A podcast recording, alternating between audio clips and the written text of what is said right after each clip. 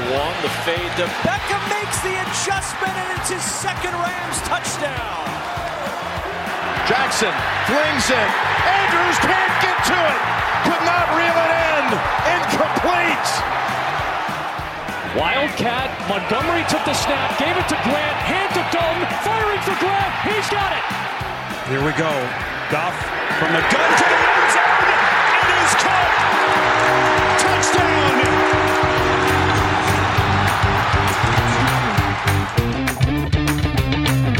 is NFL op woensdag, jouw Nederlandstalige podcast over de NFL, de National Football League. NFL op woensdag is eh, net zo Gronings als de Martini-toren en wordt geproduceerd door KVM Media. We zijn weer terug, terug in Nederland. En we gaan dus meteen door met een ouderwetse aflevering, want ook zonder onze aanwezigheid dendert de NFL-trein door richting het postseason. Er is dus weer genoeg te bespreken in seizoen 2, aflevering 28 van... Van... NFL op woensdag. Eens even kijken of eh, er nog iemand wakker is eh, eh, in Westerhaven en omstreken. Westerhaven en omstreken. Ja, ik zit in de, in de dependance van de studio van, van KVM Media. Ja, als het allemaal wat anders klinkt dan normaal. Ik had het al even aangekondigd op de socials. Niet om daar bijvoorbeeld excuses voor te maken, maar wel om even uit te leggen wat er aan de hand is. Want ik zit in Groningen Zuid, jij zit in Groningen Centrum. Ja, cen- Centrum West, de very, very best. en eh, dat heeft natuurlijk een reden. Ja, ik, ik woonde er ook ooit. Ja, wij waren ooit eh, Westerhaven en omstreken buddies. Maar, eh, maar tegenwoordig moet ik het hier alleen rooien. Ehm, jij zit in quarantaine. Laten we Ik maar gewoon... in, ja, ja, ik zit in quarantaine. Ik heb, ja, we zijn donderdag teruggekomen natuurlijk uit de Verenigde Staten. En vrijdag had ik wat lichte verkoudheidsklachten. Ik had donderdag sowieso ook nog een zelftest gedaan, omdat dat gemier in zo'n vliegtuig en gedoe, eh, je vertrouwt het toch niet. Maar die zelftest was negatief. En had ik vrijdag had ik wat klachten. En zaterdag zou ik eh, jouw kant op komen. En voordat ik die kant op kwam, eh, besefte ik in één keer dat ik niet meer goed rook. Dus toen heb ik eerst nog, nog een zelftest opgeduikeld en die was positief. Dus toen heb ik een afspraak gemaakt bij de GGD en sindsdien zit ik eigenlijk zit, zit ik binnen. Die was ook positief trouwens, die test bij de GGD. Dus als het allemaal wat anders klinkt. Ik hoor al dat, eh, dat de verbinding niet helemaal optimaal is. Ja, anders kunnen we altijd nog eh, de camera uitzetten eventueel. Dan, eh, Als mensen andere American Football podcast luisteren, dan zijn ze dat wel gewend dat de verbinding niet altijd optimaal is. dus Ja. dan mogen wij ook een keer. Eh, ja, we zou, ja zaterdag, zou, zaterdag zou je nou naar mij toekomen. Want wij zouden eigenlijk al een aflevering gaan opnemen over onze avonturen in Amerika. Samen met onze vrienden van Kon Veel Minder de podcast, die ook mee waren naar Amerika.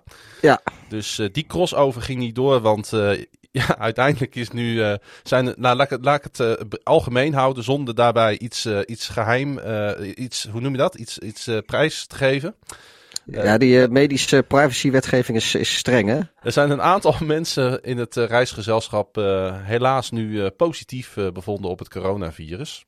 En ik zit daar niet bij, dus ik zit alleen in de studio. Ik moet zeggen, dit is wel een beetje een gekke gewaarwording. Ik heb nog dit in anderhalf jaar tijd nog nooit meegemaakt.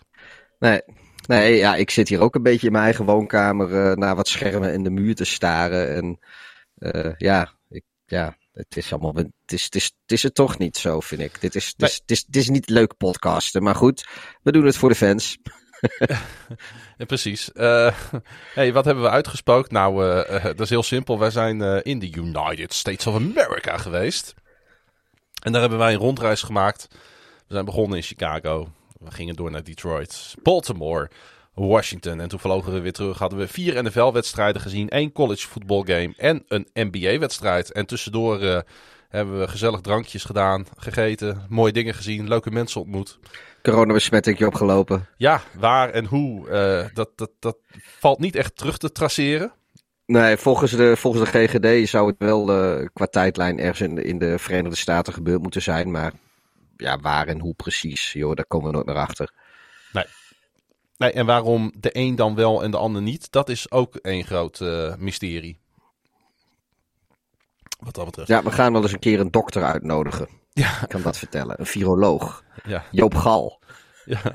dokter Bernards. Nee, ehm, eh, laten we beginnen bij het begin. Eh, hoe heb je het gehad? Eh, hoe heb je de reis ervaren, Pieter? Ja, het was, was leuk. Ik, was, ik, ja, ik heb echt heel erg genoten. Het was wel. Aan de ene kant was het wel heel ontspannend, maar het was ook heel inspannend, denk ik. Het, het, was niet een. Ja, het was een soort doe-vakantie voor luie mensen, kan ik het zo zeggen. Want ja. we, we hebben heel veel passief sport meegemaakt, maar we zijn wel eigenlijk iedere dag bezig geweest met, met sport. Dus ja, En er is ook nog heel wat afgewandeld en gefietst door al die steden heen. Want uh, misschien ook wel leuk om even te benoemen. We hebben eigenlijk uh, op, een, op, op één à twee dagen na prachtig weer gehad. wat uitnodigde om, om op ontdekkingstocht te gaan in, in al die steden. We hebben het waanzinnig gehad wat dat betreft. Hè. We hebben echt dat weer wat je eind november, begin december veel hebt in Noord-Amerika. Wij vielen wat dat betreft met onze neus in de boter. Hè? Ja, we hebben twee jaar geleden was het ook zo. Chicago, die dag van de wedstrijd, uh, ochtends nog wat regenachtig. Maar tegen tijd dat het, dat het richting kick-off begint te lopen, was het, werd, werd, het, werd het stralend zonnig. Volgens mij hebben we ook al bij de tailgate al geen regen meer gehad. We, we liepen daar nog wel over een natte parkeerplaats, maar we hebben geen druppels meer uit de lucht zelf gevoeld. Als ik me goed herinner. Nee, klopt. Um, ja, de enige regenachtige dag was in Detroit. Ja, dat was in het Dome, dus dat maakt ook geen reet uit. En ja, uh, Washington hartstikke mooi weer. Baltimore, mooi weer. Uh, uh, Chicago hebben we alle dagen mooi weer gehad. Ja, het, het, we mogen zelfs, zelfs Detroit op de dag van de wedstrijd na. Maar ja, goed, toen we een keer wel naar buiten gingen, was het daar ook zo goed als droog. Dus ja, ja, ja weinig problemen wat dat betreft. Maar heel veel geluk. Misschien kort nog even wat ervaringen doornemen. De wedstrijden gaan we het niet meer over hebben. Dat ligt al uh, te ver achter ons. En daar hebben we het ook al over gehad in de podcast die we op hebben genomen in Detroit en Baltimore. Ja, ik geloof alleen die uh, Monday Night Football is daar natuurlijk niet echt te sprake gekomen. Nee, misschien leuk, maar, om, uh, misschien leuk om daar dan even op in te zoomen. Want dat was de enige wedstrijd van de vier waar niet één van onze twee teams bij betrokken waren. De Washington voetbalteam speelde Monday Night Football tegen de Seattle Seahawks. En daar keken wij eigenlijk stiekem heel erg naar uit. Terwijl op de wedstrijddag hadden we zoiets, oh, hier moeten we ook nog heen. ja, alweer. Ja, en dat stadion, jongen, dat ligt daar ook zo, zo afgelegen. Ja. Ben ik ook nog opgelicht door zo'n Uber-chauffeur. Dat moet ook nog opgelost oh, worden. Ja, dat is ook zo. maar het was uh, uiteindelijk, toen we eenmaal in het stadion met een biertje zaten, was het wel echt heel erg leuk om daar te zijn, hè? Ja, daar kwam ik nog een uh, oude bekende tegen. Groningen supporter uit, uh, uit Hoofddorp. Die, die bleek ook in het stadion te zijn. Dus die kwam ons opzoeken in de rust. Was ook even gezellig. En ja, onverwacht. Ja, dat zijn dan van die toevallige ontmoetingen die in plaatsvinden. Hij zocht uh, contact met mij via Instagram, want hij zag dat we in Baltimore waren. Hij zei, oh, ik ga morgen ook naar een NFL-wedstrijd. Namelijk... Er kon er maar één zijn. ja, toen wisten wij al hoe laat het was. En hebben we gezellig even een biertje mee gedronken. gedronken. Shout-out naar uh, Jason. En, um, uh, maar even over die ervaring daar. er staat me daar een bak daar in uh, Landover, Maryland. Van je welste, Ja, uh, in het midden van, van nou, het, het, het voelt het midden van niks. Dat is natuurlijk niet zo. Maar ja, het is een soort stee van asfalt en parkeerplaatsen. En volgens mij ook bovenop een heuvel. Dat voor mijn gevoel moesten we ook een, een heel eind klimmen voordat we daar bovenop waren. Ja, we hebben, ik heb een pokken en het geloof, want we moesten de lift. Ja, jij bent vanaf die, uh, vanaf die, die uh, uh, rideshare plek gekomen. Hè? Ja, even voor de luisteraars, we waren met z'n vijven. En we hebben we opgesplitst in een groep van drie en van twee. En we ja. zaten in twee verschillende taxis. En ik zat met uh, Frank Metsenmakers en nog iemand zaten wij in een, uh, in een taxi die, uh, nou die, die, die, dit was echt een kamikaze piloot. Die gast die klapte gewoon met 95 mijl, klapte die daar door Washington heen. Dat was, we zaten, wat zoiets van, nou ja goed, we, we, zullen er wel komen. En uiteindelijk gooide die ons ergens op een kruispunt midden, midden in, de, in, de, in het midden van in de verkeerschaos gooide die ons eruit. Zei, je moet die straat uitlopen, dan komen er vanzelf. Nou ja, er liepen heel veel mensen in, in Seahawks en Washington voetbalteam uh, outfits die kant op. Dus wij hadden inderdaad zoiets, nou we lopen er maar achteraan. En het kwam uiteindelijk wel goed. Maar ja, wij waren heel ergens anders uh, dan waar jullie waren. Ja, en dat was uh, geen wandeling wat ik met, met, met Sandro daar moest maken. Dat was een hike. het was echt, echt een tyfus aan het lopen. En toen kwamen we er ook nog achter dat jullie helemaal aan de andere kant van het stadion stonden. Ja, nou, toen zijn eh, Frankie, eh, Janno en, en ik zijn jouw kant nog Nou, opgekomen. toen dacht ik, dan lopen jullie onze kant maar op.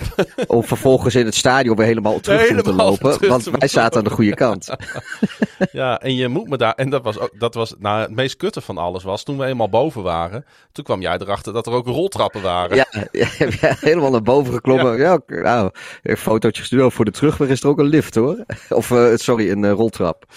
Maar het geeft Ja. wel aan wat een groot stadion het is. Het is eigenlijk een veel te groot stadion voor Vol- Washington. volgens mij, als je al. eh, ze hebben heel veel plekken dichtgetimmerd daar natuurlijk. Maar als Ja. dat allemaal weg is, is het volgens mij de grootste in de NFL nog steeds. Ja, het als, echt- alle, als alle plekken beschikbaar zijn, dan is het volgens mij het grootste Wij stadion hadden van de NFL. goedkoopste kaartjes gekocht die we konden vinden. was ook niet heel erg duur voor NFL-begrip. Ik dacht omgerekend een euro of 60 wat we betaald hebben voor die wedstrijd. En wij zaten dus op, ja, eigenlijk op de vierde ring. Zo'n beetje. Ja, En boven het atelier. boven het uh, schildersatelier eh, van, eh, van, eh, van, eh, van Landover. Zaten mensen, ja, dat kan dan ook in zo'n stadion, hè? Ja. Kun je dat voorstellen op Soldier Field of M&T Bank Stadium? Ik, ik, ik, ik, ik kijk nergens meer raar van op. eh, ik, Nee. ik, ja. Ik, ga. Maar we hebben, een, eh, leuk, we hebben eh, wel een leuk ja, potje ja. gezien, eh, Pieter. Ja, ja, ja. Ja, er gebeurde van alles. Precies. Eh, eh, wat, heb- wat hebben we gezien? Een, een, eh, Een, PAT punt. teruggerend een- voor twee punten. Ja, voor, voor- ja. Een, een, een blocked, eh, geblokkeerde point after try Ja. die werd teruggelopen voor een ja, safety is dat dan. Ja, dat is eh, twee punten safety. Ja, klopt. En eh, ja, het was sowieso eh, Riverboat Run die er drie keer achter elkaar voor ging op fourth down. eh, terwijl dat niet per se nodig was, maar het wel deed. Maar ik had wel zoiets, ik vond het wel lekker consequent. Als je het dan één keer doet, moet je de andere keren ook doen. Ja, wij snapten het niet. Maar een dag later kwam ik er dus achter dat de kikker geblesseerd was geraakt. ja. En dat was de Maar niemand in het stadion, ook die Washington-fans, die schreeuwden om het hardst van... Waar ben je nou in vredesnaam mee bezig? Just take the three damn points! ja, maar goed, het was. eh, Ja, het was een eh, mooie ervaring. En het duurde nog even weer voordat wij terug konden naar eh, Washington D.C., naar de stad. Want we moesten weer terug hiken naar diezelfde eh, share, eh ride-share spot. ja. Nou, daar hebben we ook nog weer een drie kwartier staan wachten. ja, dat was. Ja, en daarna heb ik nog betaald voor een ritje die we nooit gemaakt hebben. Want dat is ja, ook, het was eh, chaos, maar eh, goed. eh, maar goed, dat ga ik even gratis reclame maken. ook dat is reizen, Pieter. American Express die, die heeft, dat, heeft dat alweer voor me opgelost. Ja. Ik denk een andere ervaring die is blijven hangen ehm, eh, is de lichtshow in, in Baltimore, in de M&T Bank Stadium. Wij waren natuurlijk bij Sunday Night Football, een beetje het hoogtepunt natuurlijk van de NFL-week als je het hebt over, over de televisieuitzending, primetime.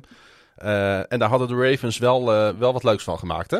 Ja, die hadden daar. eh, we kregen allemaal van die vrolijke, vrolijke polsbandjes met, eh, met, met ledjes erin die van kleur konden veranderen. En die werden dan op afstand bestuurd door, door iemand van, van de regie, zeg Mhm. maar, ergens in het stadion. Dat was gewoon een lichtshow en ja, je was er zelf onderdeel van. Ja, dat vond ik wel een van de tofste stadionervaringen die ik in Amerika gehad heb. Ja, met het fluitje van, van Omar. Met de Omar Goed. Whistle. Nee, al met al eh, geweldige ervaring, denk ik. eh, Maar we, we ja. gaan er nog heel uitgebreid over praten Ja, natuurlijk. ik wou er, daarom wou ik een paar dingetjes even uithalen. Ja, dit was even een sneak preview. Een sneak preview inderdaad. En eh daar gaan we in een crossover podcast met de jongens van Kon Veel Minder, de FC Groningen podcast, gaan we uitgebreid terugblikken op onze reis. Wat hebben we allemaal gezien, gedaan. Er zijn jongens die voor het eerst in Amerika waren. Er zijn er die zijn al wat vaker geweest. Er zijn er die hebben de familie wonen zoals jij. Dus je hebt het eh, nou, van ons allemaal het vaakst geweest. Ja, En ijs, weder en corona dienende zit je er eh, binnenkort alweer. Maar we hebben nu ontdekt dat we op afstand eh, NFL op woensdag kunnen opnemen. ja dus ik, ik neem microfoon wel mee die kant op.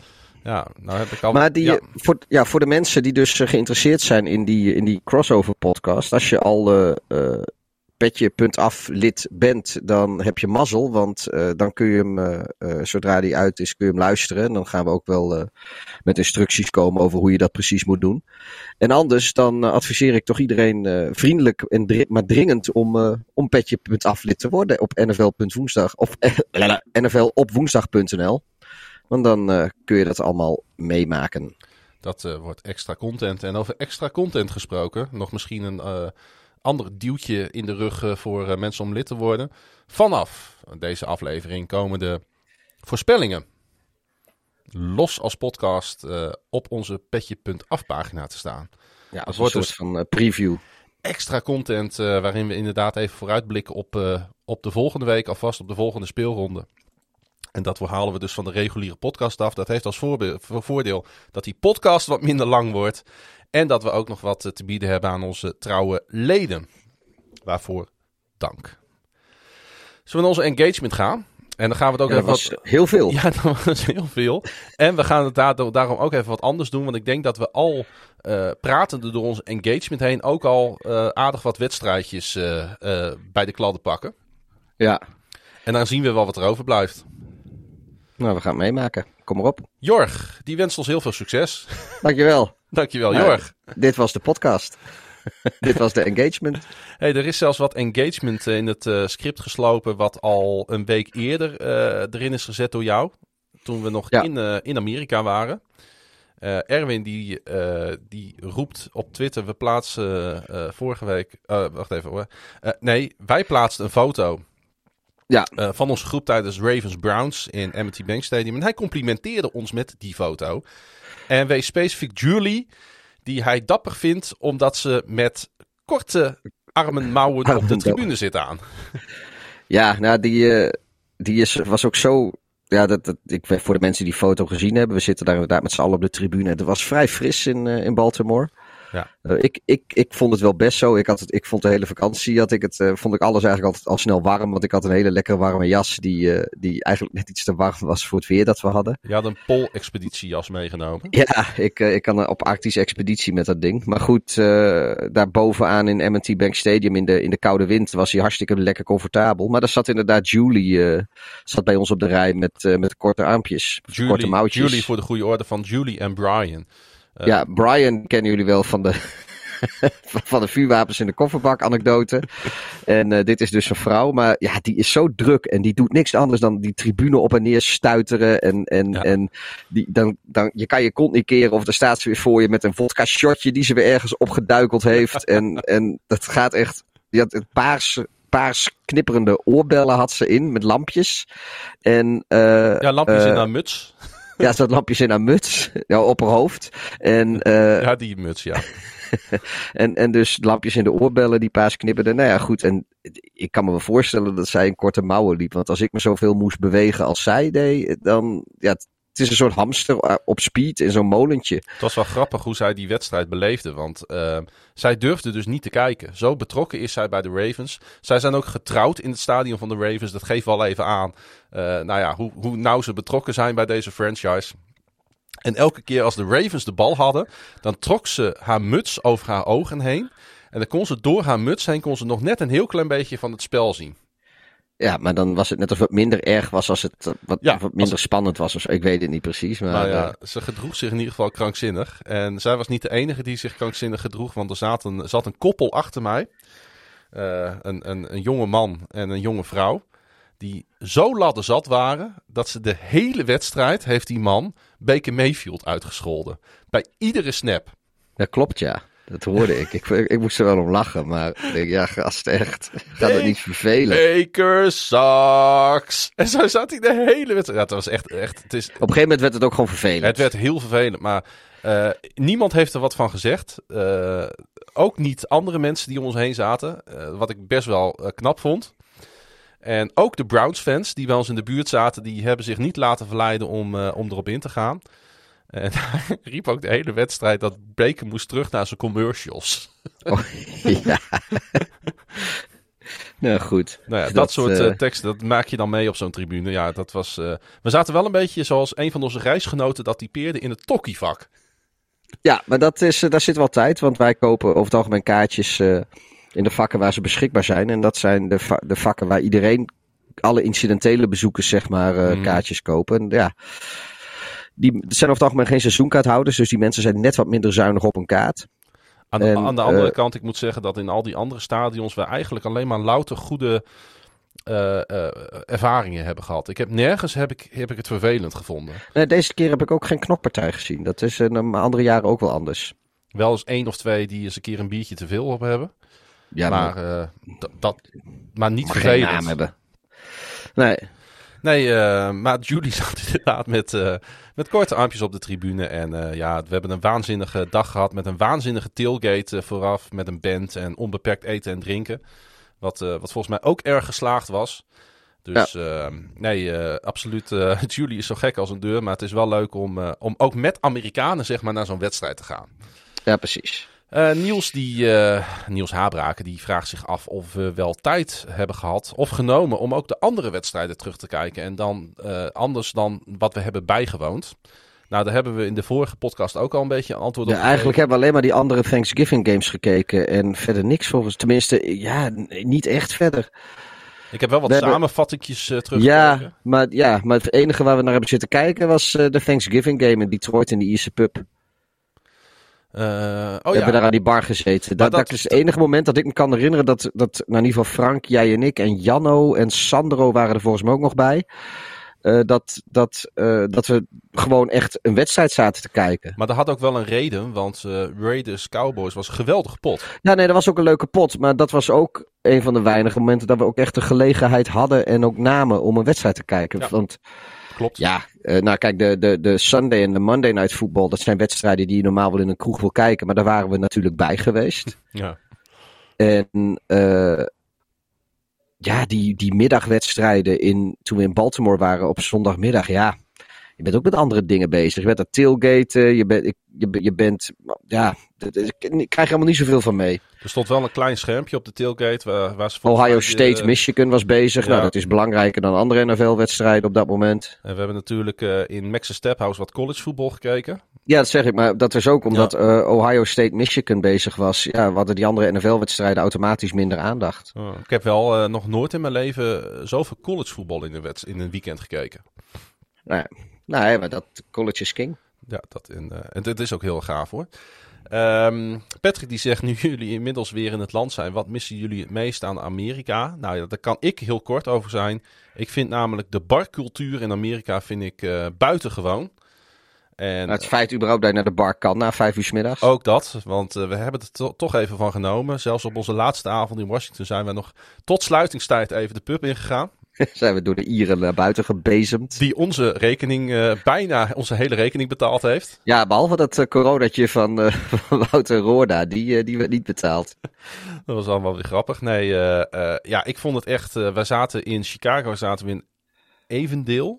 Evendale. Even, Evendale Tap. En daar was de Evendale Tap. En echt een hele fijne kroeg met... met uh, leuk personeel, wat uh, hè, die bar-eigenaar die ons gelijk uh, die eerste avond goed ontving. Die door had van, hey, deze groep die moet ik binnenhouden, want die kunnen wel eens terugkomen de komende dagen. Ja, de, de echte diehards hebben Chicago ook nog een paar keer bij de Edelweiss Tavern gezeten. dat was echt heel fout met karaoke en zo, maar, ja, ook, maar ook weer leuk. Dan moet je echt een diehard zijn, maar... Uh, bijvoorbeeld ja, maar dat was een tokkiebar. Ja, maar bijvoorbeeld in die tap, uh, uh, daar kon je ook gewoon hartstikke lekker eten voor een goede prijs. En dat vind ja. ik echt, dat vind ik wel heerlijk aan die Amerikaanse bars. Het is altijd lekker en goed. En niet zo ja. duur. Ja, wat ik, wat ik ook wel mis is, uh, nou ja, vooral de laatste anderhalf week hebben we eigenlijk in hotels geleefd. Het feit dat als ik uh, s ochtends mijn kamer uitga met de handdoek op de grond, dat ik s'avonds terugkom dat er een schone hangt. Ja. Weet je, dat is hier niet zo. Dan ligt die handdoek gewoon nog steeds op de grond. Ja, vind ik vet kut. Ja, we hadden wel een paar fijne hotels, hè? Ja, we goede, goede hotels, goede, goede locaties ook. Ja. Dat is belangrijk dus ja, nee, hè, op zo'n ja. reis. Dat je, dat, je, dat je fijn slaapt en dat je je daar in ieder geval niet druk over hoeft te maken. Nou goed, daar betaal je ook behoorlijk voor, want hotels zijn niet goedkoop in Amerika. Uh, in ieder geval uh, duurder dan hier. Maar goed, uh, op de hele reis zondag. Het is het allemaal dik waard geweest. Um, Koen die zegt via Instagram tegen ons dat hij graag wat ervaringen van ons wil horen. Nou, we hebben net verwezen naar de podcast die nog gaat komen. En als we hebben iedereen, er ook al een paar gegeven. En als iedereen uit Amerika terug, of sorry, uit, uit, Amerika, uit quarantaine is, dan kunnen we het daarover uh, gaan hebben. Ja, dat Henk, zal op zijn vroegste volgende week zijn, na het weekend zijn. Denk ja, ik, dat vrees ik ook. Dat vrees ik ook. Maar goed, dat is niet anders. Mensen moeten even geduld hebben. Corona is helaas nog steeds een factor. Henk die uh, heeft genoten van onze verhalen en onze foto's uit de States. En hij zegt, misschien hebben jullie het wel eens verteld. Hij is Jets fan. Maar zijn jullie ooit wel eens in MetLife geweest? En zo ja, hoe was dat? Nou, nee. Nee, ik, uh, ik moet wel zeggen, hij, hij zit wel een beetje in, in al, al, al pseudo in de planning voor mij. Want ik zag dat. eh, ik weet dat de Bears volgend jaar er twee keer naartoe moeten. Want ze spelen zowel uit bij de Giants als de Jets. De Ravens ook. En de Bears gaan ook naar eh, de Patriots. En ik had zoiets van, ach, misschien is Boston en New York combineren. Als dat kan hoor, is dat ook wel eens een keer leuk. Dus wie weet. Ja, wij spelen sowieso uit tegen de Jets. Maar er is ook nog een kans dat we gekoppeld worden aan de Giants. Dus eh, het zou kunnen dat de Ravens twee keer naar New York moeten. En eh, nou, misschien is dat inderdaad best wel leuk om. eh, en, en makkelijk af te reizen natuurlijk. Als er één stad is wat makkelijk bereikbaar is, dan wel in Amerika, dan wel vanuit buiten Amerika, is het natuurlijk New York. Ja, en er is van alles in de buurt. Want Boston is af te reizen vanaf daar. En eh, als je de trein pakt met een beetje fantasie is Buffalo wel te doen. Maar Philadelphia en Washington en Baltimore zijn natuurlijk ook redelijk te bereiken vanaf daar. Zeker. Dat is allemaal goed te doen.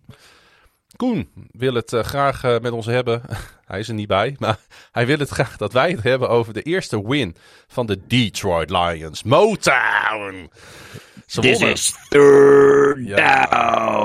Ja, eh, we hebben wel eens vaker uitgesproken in deze podcast dat we toch allebei, ondanks dat ze divisiegenoot zijn van jouw favoriete team, dat we toch wel een lichte sympathie hebben voor die Lions. Ze zijn een beetje de, de lovable losers van de NFL. Ja. Ehm, en ze wonnen op eh, spectaculaire wijze voor het eerst dit seizoen van de Minnesota Vikings met 29-27.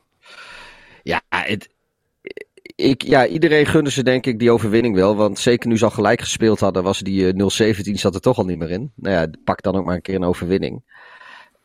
En Ja. ja, gewoon de manier waarop, weet je. Het was, eh, Michigan die had natuurlijk een week eerder, of in die week ervoor had ze die ellende gehad met die Oxford School shooting. Eh, wat, wat, wat best wel, eh, eh, ja, toch weer zijn weerslag heeft op, op zo'n stad en op zo'n streek. En op zo'n streek. Nou sowieso, het, het, het, het zou hoe dan ook gaan eindigen voor een van beide teams in een, eh, in een, in een heartbreak. Ofwel de Lions zouden weer verliezen, of, ofwel de, de Vikings zouden het weggeven. Maar het was toch echt wel een keer de beurt aan de, aan de Lions om. Eh, Maar het zat er eigenlijk niet in, hè? Want Nee, ehm, ja, ze, ze gaven het eigenlijk weer weg. Ze, Ja. De hele tijd waren ze, stonden ze er goed voor en dan geven ze het weg. En dan krijgen ze dus nog, nou echt, wat was het, anderhalve minuut of zo, een één time-out om het hele veld over te steken. ja, ze hadden, En dan moesten ze een touchdown maken. Field goal was ook niet genoeg. Ze hadden 1 minuut 50 zonder timeouts hadden ze Oh, voor hun nou ja. laatste eh, eh, achteraf dus winnende drive. Eh, Ja. Een touchdown pass van eh, Kirk Cousins op eh, de man met misschien wel de mooiste naam in de NFL. Amon Ra St. Brown. Wacht even, dit was van, eh, van Jared Goff, hè? Eh, sorry, eh, van Jared Goff natuurlijk. Ja, de, de Cousins ja, stond aan de andere nee, kant. daar heb je helemaal gelijk in. Natuurlijk van Goff. Maar even daarvoor had Kirk Cousins natuurlijk de go-ahead touchdown pass op Justin Jefferson gegooid. Ja, En eh, toen, eh, toen en dat leek eigenlijk de beslissing, hoor. Wetende wat de Lions altijd doen, hoe Goff een beetje... Nou, vooral ook hoe dat tot stand kwam. Want Goff die gaf volgens mij op de 25-yard line of zo. Ja, drukte die gewoon de bal in de handen bij een tegenstander. Het was zo treurig en triest om te zien weer.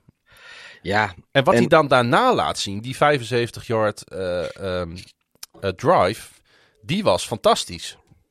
Ja, en weet je wat wel grappig is? Is dat. eh, ik moet even op zoek naar de exacte bron, maar ik heb dat eh, gelezen volgens mij vandaag of gisteren.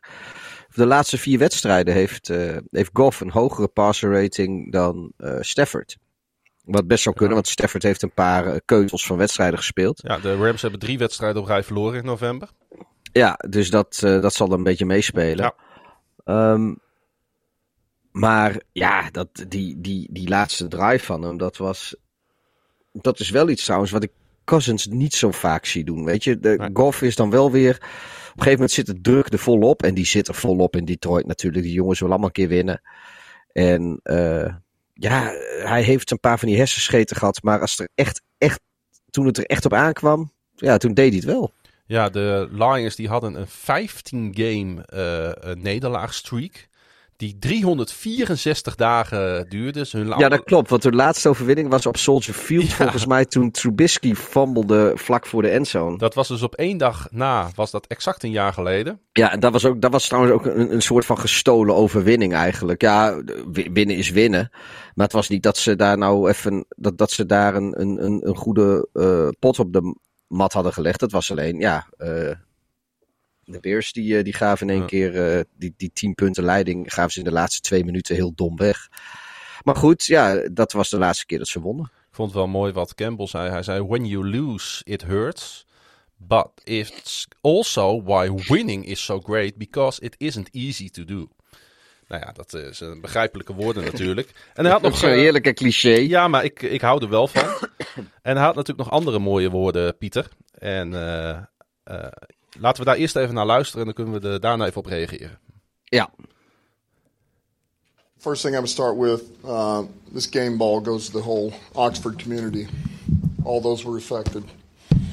Um, and that being said, man, I just, you know, I just, I want us to not forget these names Madison Baldwin, Hannah St. Juliana, Justin Schilling, Tate Muir, Phoebe Arthur, uh, John Ashuto, Riley France, Elijah Mueller, Kylie Osigi, Aiden Watson, and Molly Darnell, who's a teacher. Um, those those names um, for all those uh, you know, will never be forgotten. And they're in our hearts and our prayers and all the families. And not to mention all those that were affected.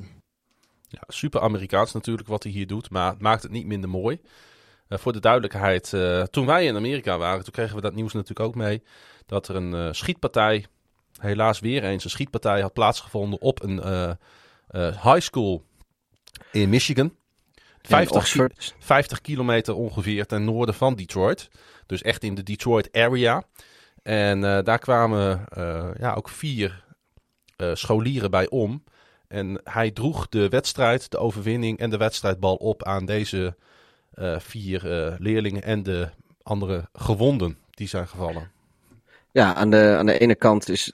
Ja, ik, ik refereerde net ook al een beetje aan waarom deze overwinning dan toch weer extra speciaal is voor de Lions. Kijk, het is super Amerikaans en misschien ook wel een beetje makkelijk om, uh, om dat te doen als je wint. Maar aan de andere kant, de Lions die winnen eigenlijk bijna nooit. Dus op het moment dat, dat, dat, dan, dat je dan wel wint, vind ik het gewoon uh, wel, wel heel typerend in de meest positieve zin van het woord voor, voor zo'n Dan Campbell. Dat hij uh, dan daaraan denkt en niet aan uh, wat dit voor hem, voor zijn team en voor de organisatie enzovoort, wat dat te betekenen heeft. Nou ja, het, het eerste waar hij eigenlijk bij stilstaat is wat er buiten het veld, buiten het stadion gebeurd is, wat groter is dan sport. En ja, ja dat, dat vind ik eigenlijk, dat, ik vind dat wel mooi. Ja, ja, ik vond het ook mooi. En, en als, je, als je 16 wedstrijden van de 17 in een seizoen wint, dan is het makkelijk om, om, om bij een overwinning stil te kunnen staan bij andere zaken die er gebeuren. Maar als je zo weinig wint en de eerste keer dit seizoen en de eerste keer in, in eigenlijk een jaar. Ja, dan vind ik het eigenlijk wel, in, wat ik zei, wel heel knap dat je, dat je bij zoiets stil kan staan. Beide teams stonden trouwens stil bij uh, deze ja, tragische gebeurtenis. Ze hadden namelijk, uh, zowel de Lions als de Vikings, hadden een uh, gouden O op de achterkant van hun helmen staan. De O die verwijst naar Oxford. En ja, ik heb wel dan bij, bij deze coach altijd het gevoel dat hij het wel meent. Het komt natuurlijk melodramatisch over, maar het, is, het komt echt wel uit de grond van zijn hart, hè? Ja, het is geen, het is, het is, het is geen, geen poseur volgens mij. Dat idee heb ik ook het is, niet. Het is geen Ron Jans. Hey, dan ook nog even over die Vikings, want uh, die staan nu op een 5-7 record. we zeiden vooraf dat ze misschien wel de gedoodverfde nummer 2 in de NFC North zijn. Dat zijn ze nog steeds, ondanks hun losing record. Omdat natuurlijk ja, de Bears en de Lions enorm tegenvallen. Maar we hadden wel iets meer van hun verwacht dan denk ik dit 5-7 record. Want ze zijn al een paar jaar bezig om weer uh, hun team op te bouwen naar een uh, competitief team. Mm -hmm. Maar ze komen er niet bij. Nee, ze moeten nog twee keer tegen de Bears hè. Dus, uh, dus ja, ik zeg niet dat ze dat, ze dat winnen. Maar de Bears liggen één wedstrijd achter.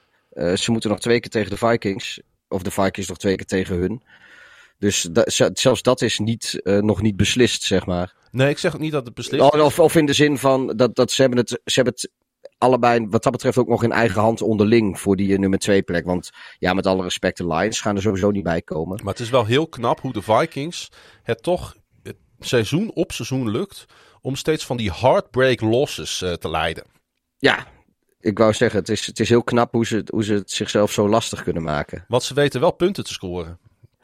Ja, het, als je kijkt puur alleen naar talent, dan uh, moeten ze het echt wel beter doen. Ja.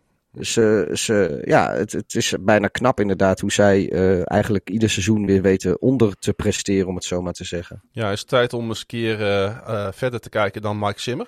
Nou, ik kan me niet voorstellen dat, dat Simmer volgend jaar daar nog coach is. Nee, nee ik, ik eigenlijk ook niet, inderdaad. Ik bedoel, als je verliest van de, van de, van de Lions, ja. Op de, ook op deze manier weer. Dat ik denk van ja jongens.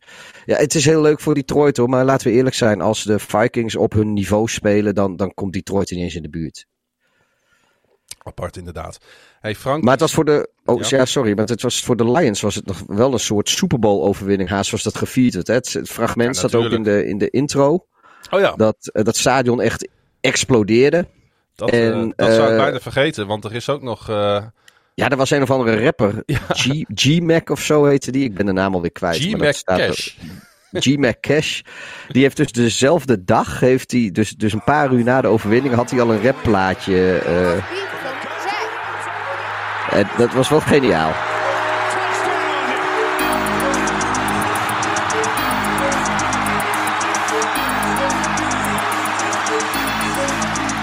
Let's go.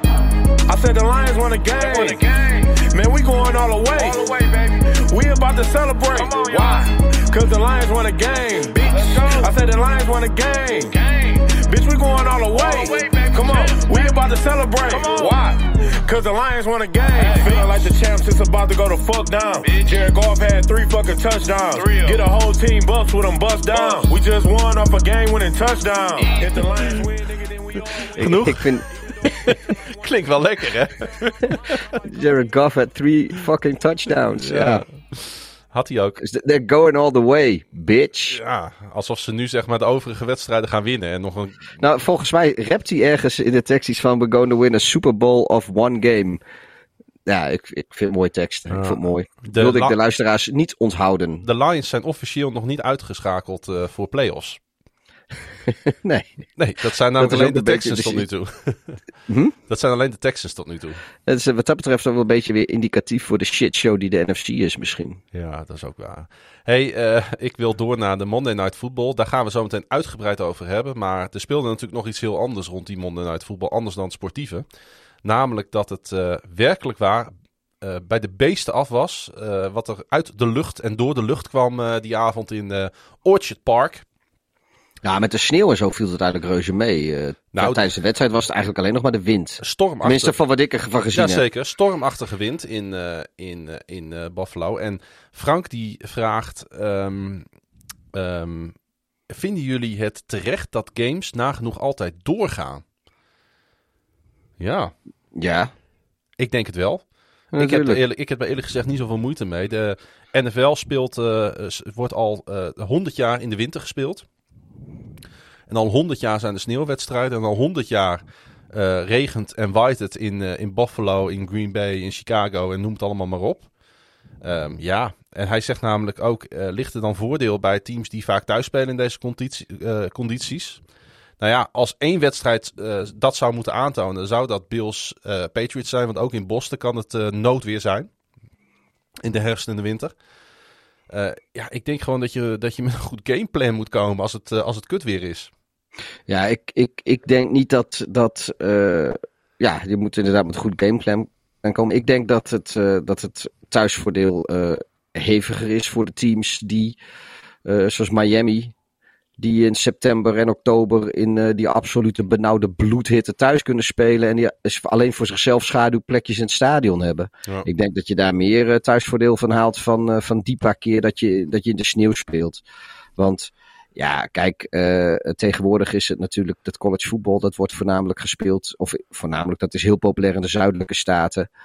Uh, en daar is het inderdaad niet, niet echt super winter. Maar laten we niet vergeten dat uh, de, de Big Ten en de, de, de Midwest, weet je, waar de, waar de Michigans en de Ohio's, de Ohio States enzovoort, waar die mhm. spelen, die spelen ook gewoon in echte winters. En de Oostkust universiteiten spelen ook in echte winters. En het hoort er gewoon bij. En uh, ja, je kan wel alles in domes gaan spelen, maar dan wordt het toch ook een beetje saai. Ik, ik vind het wel mooi, die uh, Want dat zegt, uh, open, open stadions. Ja. Er- Erwin die op het had, die zegt zou het niet eerlijker zijn als iedereen in een doom speelde? Want jullie hebben nu ervaringen gehad met drie keer in de open lucht spelen en één keer in een doom. Hè? Natuurlijk de Detroit Lions spelen in een overdekt stadion, Ford Field. Eh, ik moet zeggen, voor eh, ons, Voor die dag was dat heel het goed. publiek was dat heel erg... eh, je kan daar gewoon in je t-shirtje bijna gewoon, gewoon lekker onder dak gaan zitten. Nou ja, en zeker die dag, want het was een regenachtig kloten weer in Detroit. Dus ik was wel heel blij met, met dat, we, dat we niet zulk weer in Chicago of in Baltimore hadden. Wij weten van twee jaar terug hoe het is om in de regen in de kou in Baltimore te staan. Nou, daar word je niet vrolijk van. Maar ik moet zeggen dat uiteindelijk heeft een openluchtstadion wel zijn charme. Dat als je, zoals wij, op Soldier Field op een bovenste tribune zit... en je ziet achter je de skyline van Chicago liggen... of je ziet als je in Baltimore op de tribune zit... op de achtergrond de Inner Harbor van Baltimore liggen... Ja, daar Ja, kan, of- daar kan of- toch niks aan tippen? Ja, of, of zoals op Soldier Field, dat je daar eh, bij de laatste noten van het volkslied, dat je daar in de verte, die, ja, ik imiteerde een eh, Chinook helikopter, dat je daar drietal van die helikopters, die je al hoort aankomen voordat je Ja. ze ziet, wat je hoort vanuit de verte, dus dat en dan komen ze er met z'n drieën eigenlijk over en dat, eh, ja, weet je, dat, dat, dat, dat, dat heb je in het doom niet, eh, weet je, Nee. leuk hoor die dooms, maar eh, ja, ik, ik vind het wel mooi dat iedereen, ieder team zijn eigen kwaliteit veld heeft. Ook al zijn sommige velden echt heel slecht. En eh, daar een beetje thuisvoordeel uit kan halen. Ja. Over die flyovers gesproken trouwens. Ik, eh, eh, dat hebben wij niet meegekregen. Omdat dat was volgens mij de wedstrijd dat wij op Soldier Field waren dat weekend. Toen hebben de Titans, die hebben een thuiswedstrijd gespeeld tegen de... Moet ik, even, moet ik even kijken wie dat waren. Maar daar is dus ook een flyover geweest. Ik denk tegen Houston, die ze verloren in de regen. Ja, het zou wel eens tegen Houston geweest kunnen zijn. Maar het was, ik weet niet of het regent, maar ze hebben een flyover gehad daar eh, in, in Nashville. En dat was ook met een aantal helikopters. En die vlogen dusdanig laag over. Dat die helikopters die vlogen lager dan het hoogste punt van de constructie van het stadion. Want eh, dat stadion in Nashville, die heeft dus aan de lange zijdes is die heel hoog. En aan de korte zijdes is hij wat lager. Dus als die helikopters die vlogen van endzone naar endzone. En die vlogen dus op het niveau van de bovenste ring van de lange zijdetribune. En eh, daar schijnt de, de Federal Aviation Authority en eh, de luchtmacht of zo, die schijnen daar wel onderzoek naar te doen. Want dat was niet helemaal de bedoeling dat die piloten zo laag gingen vliegen.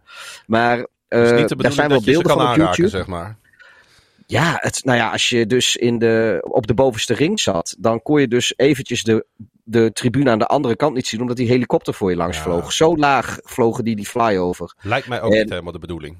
Was volgens mij ook niet helemaal de bedoeling. En eh, daar zullen vast ook reprimandes van komen. Maar ik, ik zag daar filmpjes van van de week. En ik moest dat eh, even nog delen met Ja. jullie. Zoek het op op YouTube. eh, Lijkt me dan wel weer heel gaaf om gewoon mee te maken. Ja, er Dat- zijn, ja, er zijn echt heel veel filmpjes van. heb je en het hart- heel veel mensen zijn in je enthousiast. Maar je, hebt ook, je hoort ook commentaar op de tribune dat mensen zeggen van... dit, dit is ook niet, niet helemaal de bedoeling, geloof ik, wat ze hier doen. Mooi is dat. Hey, we gaan eh, eens even naar de MVP-race kijken. Er zijn diverse vragen over binnengekomen. Bijvoorbeeld eh, van Marcel. Die eh, vraagt, wie maakt er volgens jullie kans op MVP? En Jasper die vraagt, is dit een seizoen voor een andere MVP dan een quarterback?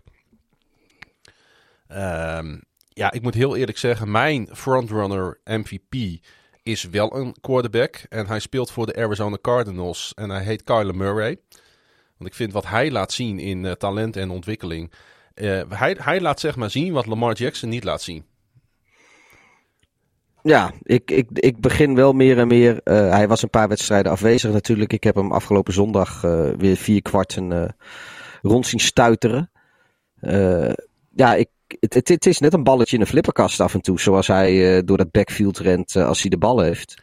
Ja, maar hij maakt wel. en hij komt uiteindelijk wel. En hij komt uiteindelijk ook gewoon door. Maar zijn, zoals hij gooit, dat is ook. Ja, ik weet niet. Ik vind hem. eh, ik, ik denk wel dat je gelijk hebt. Want ik, ik vind Lamar die, die doet. eh, die zijn skillset is misschien wel wat beter. In de, vooral eh, Mhm. over de grond. Maar de, de, ik heb het idee dat voor Lamar het spel soms te snel gaat. En dat zo'n Kyler Murray die vertraagt het in zijn hoofd. En die kan ja, die, die leest het beter en die, die anticipeert beter. Ik, ik heb het soms het idee dat, dat Lamar inderdaad wat, wat ja, een soort kortsluiting in zijn hoofd krijgt als er te veel gebeurt voor hem. Als Ik hij het allemaal even eh, niet meer weet. Ik vind de de- decision making van eh, Murray vind ik ongekend dit seizoen. Ja, precies. Zijn rollouts zijn zo ongelooflijk goed dat hij bijna al zijn receivers wel in staat stelt om ergens tijdens die rollout vrij te komen en die, eh, en die paas te gooien. Ehm, ja, ik vind zijn ontwikkeling vind ik echt uh, stormachtig. Nou moet ik wel één kanttekening daarbij plaatsen. Als ik, want hij, je kunt hem het best vergelijken met Lamar natuurlijk. Uh, de O-line van Murray is een klasse beter dan die van Lamar Jackson dit jaar. Sowieso dat Ja. hele Cardinals team zit ongelooflijk goed in elkaar natuurlijk dit seizoen. Ja. Zijn niet voor niets de frontrunner in NFC Ja. op het moment. En als we dan eentje, eh één speler moeten noemen eh, die niet quarterback is, ja, dan komt er eigenlijk ook maar één naam in mij op. En dat is die van Jonathan Taylor, de running back van de Indianapolis Colts. Die een eh, monsterseizoen draait. Ja, ik, ik, ik denk wel dat dat. ik had graag gezien eigenlijk dat King Henry niet geblesseerd was geraakt. Want die was eh, eh, op weg weer naar een, een bizar monsterseizoen. Van, van heb ik jou daar. Wat eigenlijk mensen een keer zouden denken: van nou, die, die, dat houdt een keer op. En dan was dit, als hij dat had doorgezet, was dit zijn, zijn kans geweest om. eh, om dat te verzilveren. Maar ja, Jonathan Taylor, die, die, die vult dat prima op. het, ge, het gemis van, van Henry, denk ik. Absoluut. Hey, ehm, gaan we eens even naar die playoff eh, picture kijken. De teams die het goed doen, de teams die er eh, tegenaan zitten. Jos die vraagt, eh, gaan de Eagles de playoffs halen volgens jullie? En dat is wel een interessante vraag, want de Eagles hadden we allemaal al een beetje weggecijferd voor dit seizoen. Omdat we ook natuurlijk niet helemaal wisten wat Hurts ging laten zien. Nou ja, nu hadden ze een andere quarterback opeens staan afgelopen weekend. Jij ruikt Ja. ondertussen even aan je blikje. Of ja, ik wat ben ruikt. steeds benieuwd of ik wat ruik. Ik, ik, die IPA's die smaakten me niet, dus ik denk ik eh gooi er gewoon een stout in. Dat is wat eh, niet zo, hoeft niet per se zo gecompliceerd te zijn qua smaak. Misschien lukt me dat beter. Oh ja. En jij bent er toch niet om erover te zeiken, dus... eh, Hey, even nog los van het feit dat Hurts niet speelde, maar Minshew ja, een geweldige wedstrijd speelde tegen de Jets. Het moet gezegd worden.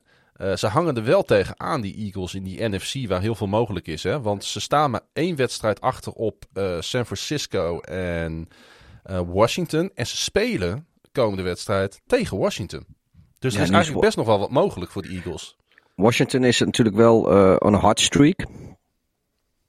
Die, die zijn wel goed bezig. Ja, maar dit, als de Eagles hun kans willen pakken, dan is het wel... Maar ja, dan moeten ze het wel doen nu. Ehm, ja, weet je, ik, ik, ik, Ik het, het ik gaat in vind de, het wel een leuk de- team hoor, om naar te kijken. Ja, maar het gaat in de NFC gaat het weer zo close eraan toe dat eh, tot, tot deze week stonden zelfs de Bears nog in de, in de hunt eh, eh, pictures. En dat betekent dus dat eigenlijk alle teams erin stonden behalve de Lions. Dus dat ze 15 van de 16 teams potentieel playoff kandidaat zagen. Nou ja, gelukkig hebben ze de Bears eruit gehaald eh, om, om de, de Bears fans niet te veel in te wrijven. Maar eh, ja, het, het, het, het kan per week kan het verschillen wie zeg maar het, de, de veertiende en wie de zesde seed is. Ja. Weet je, alles wat daartussen zit, dat, dat, kan- dat, zit- er zit maar één week zit daartussen steeds. Eén wedstrijd zit daartussen. En zolang dat zo blijft, ja, heeft iedereen kans. Dus ja, ook de Eagles. Zo, als je niet de Bears bent en je bent niet de Lions, dan heb je kans op de playoffs.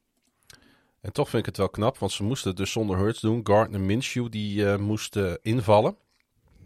En eh Minshew die ehm, eh, wist een 33-18 overwinning binnen te slepen. En ik noem expres ook zijn naam, want hij was 20 uit 25 voor 242 yards en twee touchdowns. Ja, is dat dan typisch zo'n voorbeeld van zo'n backup quarterback waar de tegenstander niet goed op gepland heeft en mocht hij volgende week spelen, dan zakt hij weer door het ijs? Ja, Of is dat te kort door de bocht? Eh, het makkelijke antwoord is wel ja, denk ik. ik, ik, weet, weet je, kijk, we weten allemaal wie Minshew is. En ik geloof niet dat ze nou in, eh, in Philadelphia de, zeg maar de, de sleutel tot, tot de magische ont, ont, ontluiking van de talenten van, van Gardner Minshew hebben gevonden. Dus ik, ik denk inderdaad dat dit weer typisch zo'n voorbeeld is van een team dat heeft niet goed gegamepland op de quarterback die ze uiteindelijk voor een kiezer krijgen. En ook als, als ze dat wel gedaan hebben, dan wisten ze nog niet zo goed waarop ze moesten gameplannen. Omdat gaat Minshew zeg maar een beetje het playbook van Hurts proberen te spelen? Of ga je vooral de Minshew zien die je bij de Jaguars zag? Of een, of een combinatie daartussen? Dus ik, denk ik denk wel dat daar de reden, of een van de redenen ligt. Ik wil ni- niks afdoen aan de prestatie van de Eagles. Het is, het is knap. Eh, maar Ja. ik denk wel dat, eh, dat dat meegespeeld heeft. Maar ik denk dat ze met Jalen Hurts ook gewoon gewonnen hadden hoor. Ik vind het ook uh, knap, uh, uh, want zijn naam wordt niet zo vaak genoemd. We hebben het ook nog niet zo vaak over hem gehad. De headcoach, de debuterend headcoach van de Philadelphia Eagles, Nick Sirianni. Die de, de, vorige jaren nog offensive coordinator was bij de Indianapolis Colts. En daarvoor quarterback en wide receivers coach bij de San Diego schuine streep Los Angeles Chargers. En die doet het toch maar mooi even in zijn eerste jaar met ja, een selectie in opbouw. Ja, hij laat het, hij laat het mooi zien. Ja, en uh, wat dat betreft uh, ook even de kudos uh, voor hem. moet ik even terug naar het script. Jasper die zegt, die vraagt, welke teams denken jullie dat de laatste wildcard plekjes gaan pakken? Ja, daar is echt nog, nog niks over ja, te ook, zeggen. Ja, nee, dat, dat is wat ik net zei. Zo, dat geldt trouwens voor de AFC. Volgens mij is de AFC is op de Texans en de Jets Alleen en de, Texans. Jaguars na. Dit zijn drie teams en de andere dertien doen gewoon mee. Ja. Volgens mij. Op papier in elk geval. Toch? Uh, iedereen doet nog mee, behalve Houston. Ja, nee, maar als je realistisch kijkt, dan zijn de Jets en de, en de Jaguars doen eigenlijk ook Nee, mee. want uh, ja, nee, precies, je hebt helemaal gelijk. Want het team wat, uh, wat eigenlijk onderaan staat in de hand is Miami. Wat natuurlijk uh, de laatste weken. Ja, en die, en die wedstrijd 5-7 staan die zo, toch? 6-7. 6-7. Ja, nou, dat bedoel ik. Dus op, op ja, drie teams na, waarvan sommige mathematisch nog niet uitgeschakeld zijn, maar laten we even realistisch doen. Nee, ik, ja, ja, alles van Miami en hoger. Ja, het, is, het is een beetje een cop-out. Maar het is, als er maar één, één wedstrijd tussen zit. Want dat is daar ook zo volgens mij. Kan het van één week, als de uitslagen op een bepaalde manier vallen. Dan kun je van laatste team in de Zeker. hand naar de, naar de hoogste wildcard plek zo'n beetje toe. Want uh, Buffalo bijvoorbeeld, het staat op die uh, zevende seat. Die Ja. laatste seat met 7-5. En dan staan ze eigenlijk maar anderhalve wedstrijd voor op die nummer 13 Miami. Dus alles Ja. wat daartussen staat, van Denver tot Cleveland tot Las Vegas En wie heeft, tot en wie heeft de Indianapolis. vijfde seat? Eh, de, de Chargers, Met, ook wat is 7-5. hun record? Nou, dat En, bedoel en, ik. en Dus- de dus Bengals, sta en de Bengals zesde met ook 7-5. Ja, dus je staat, je staat dertiende met 6, 7. En je staat vijfde met 7-5. Ja, dus dat. Ja, Eigenlijk is dat zelf. Dat, ik, die pariteit is dit seizoen wel, wel heerlijk hoor. Ja. Ehm, Ja, en, een, En- en een Kansas City en een Baltimore staan daar ook maar één wedstrijdje weer boven. ja, de, de, wat dat betreft is de, dat het feit dat de, dat de Ravens van de Steelers verloren. heeft die divisie in één keer weer half open gegooid. Ja, Absoluut. Want als, dat, eh, als de Ravens dat hadden gewonnen, dan was dat wel. Ja, kat in bakkie is ook weer niet helemaal gezegd. Maar dan was het wel eh, redelijk beslist. Weet je, dan kun je, dan, Mhm. dan, dan kun je nog een foutje permitteren. Nu kunnen Precies. de, de Ravens zich geen foutje meer permitteren aan het einde van het seizoen. Nee, absoluut niet. Dus het is ongelooflijk spannend. Ook nog even dan naar de NFC kijken. Daar is het iets minder spannend. Maar eh maken ook, maakt ook nog een hele rits teams kans op de playoffs. Maar zie ik het niet gebeuren. Want welke teams zijn dat? Dat zijn de teams zeg maar in decline. New Orleans, Atlanta, Carolina, Minnesota. Die eigenlijk een beetje tik op tik nu, eh, nu krijgen. Ja, De laatste tijd. En die zakken meer weg dan dat ze naar boven kunnen kijken. Het enige Ja. team wat buiten de playoff picture staat, zeg maar, wat wel eh, eh, naar boven kan kijken, dat is Philadelphia. Dat zijn die Eagles. die staan op de. Wat, wat staan Ach, die? die De staan veertiende achtste. plek? Oh, de achtste. Die staan achtste met 6-7. Ja. En dat is kort achter eh, San Francisco en Washington, wat ik net zei, die op eh, punt 500 staan. Dus het zal tussen die drie teams gaan. Want de rest, ja, met alle respect, eh, die staan daar gewoon ver boven. Hè, die top 5 in de NFC, de, de Rams, de, de Cowboys, de Buccaneers, Green Bay en Arizona. Misschien is dat ook wel leuk om die vraag even bij de kladden te pakken. Nou, reken, reken de Seahawks nog niet uit. Die hebben wel, net wel weer gewonnen. Dus die kun je ook niet, niet wegcijferen nog natuurlijk. Die staan 15e. Ja, maar goed, die, eh, die hebben nu weer gewonnen. En die, hoeft er maar, die, die, die ligt er ook nog steeds maar één. Die staan veertiende trouwens, toch? Die staan boven de Bears. Eh, nee, de Bears staan 14e. Oh, Op, Oh, op de tiebreaker. kampioenen! Nee, sorry Pieter, dat gaat echt niet gebeuren. Want ik zie de Eagles hun wedstrijd ook nog wel winnen. En de achterstand is, eh, lijkt mij te groot. Maar ja, de, als, dan moeten ze echt een winstreak neerzetten van je welste. Ja, maar goed, in de, in de, vooral in de eigen divisie moeten ze er gewoon nog een paar pakken. Maar laten we eens naar die top van de NFC kijken. Want ehm, de Arizona Cardinals, de Green Bay Packers en de Tampa Bay Buccaneers. Die kunnen komend weekend als al een playoff plek veiligstellen. Uh, en de Packers en de Buccaneers kunnen daarnaast ook divisiewinst pakken. De Houston Texans zijn het eerste team dat de playoffs officieel niet meer kan halen. Maar wie van deze drie teams die ik net noemde, vind jij op dit moment het beste in de NFC, Pieter? Dus de Cardinals, de Packers of de Buccaneers? Um, Ze hebben alle drie natuurlijk hun kwaliteiten dat vooropgesteld. Ja, ja. Uh, ja, kijk, de, de Packers die spelen tegen Chicago. Dus dat, dat is in principe in Green Bay. Dus, dus ja, weet je, laten we realistisch zijn. Dat, dat, dat, dat, dat gaat Green Bay gewoon winnen als zij uh, spelen naar hun potentie.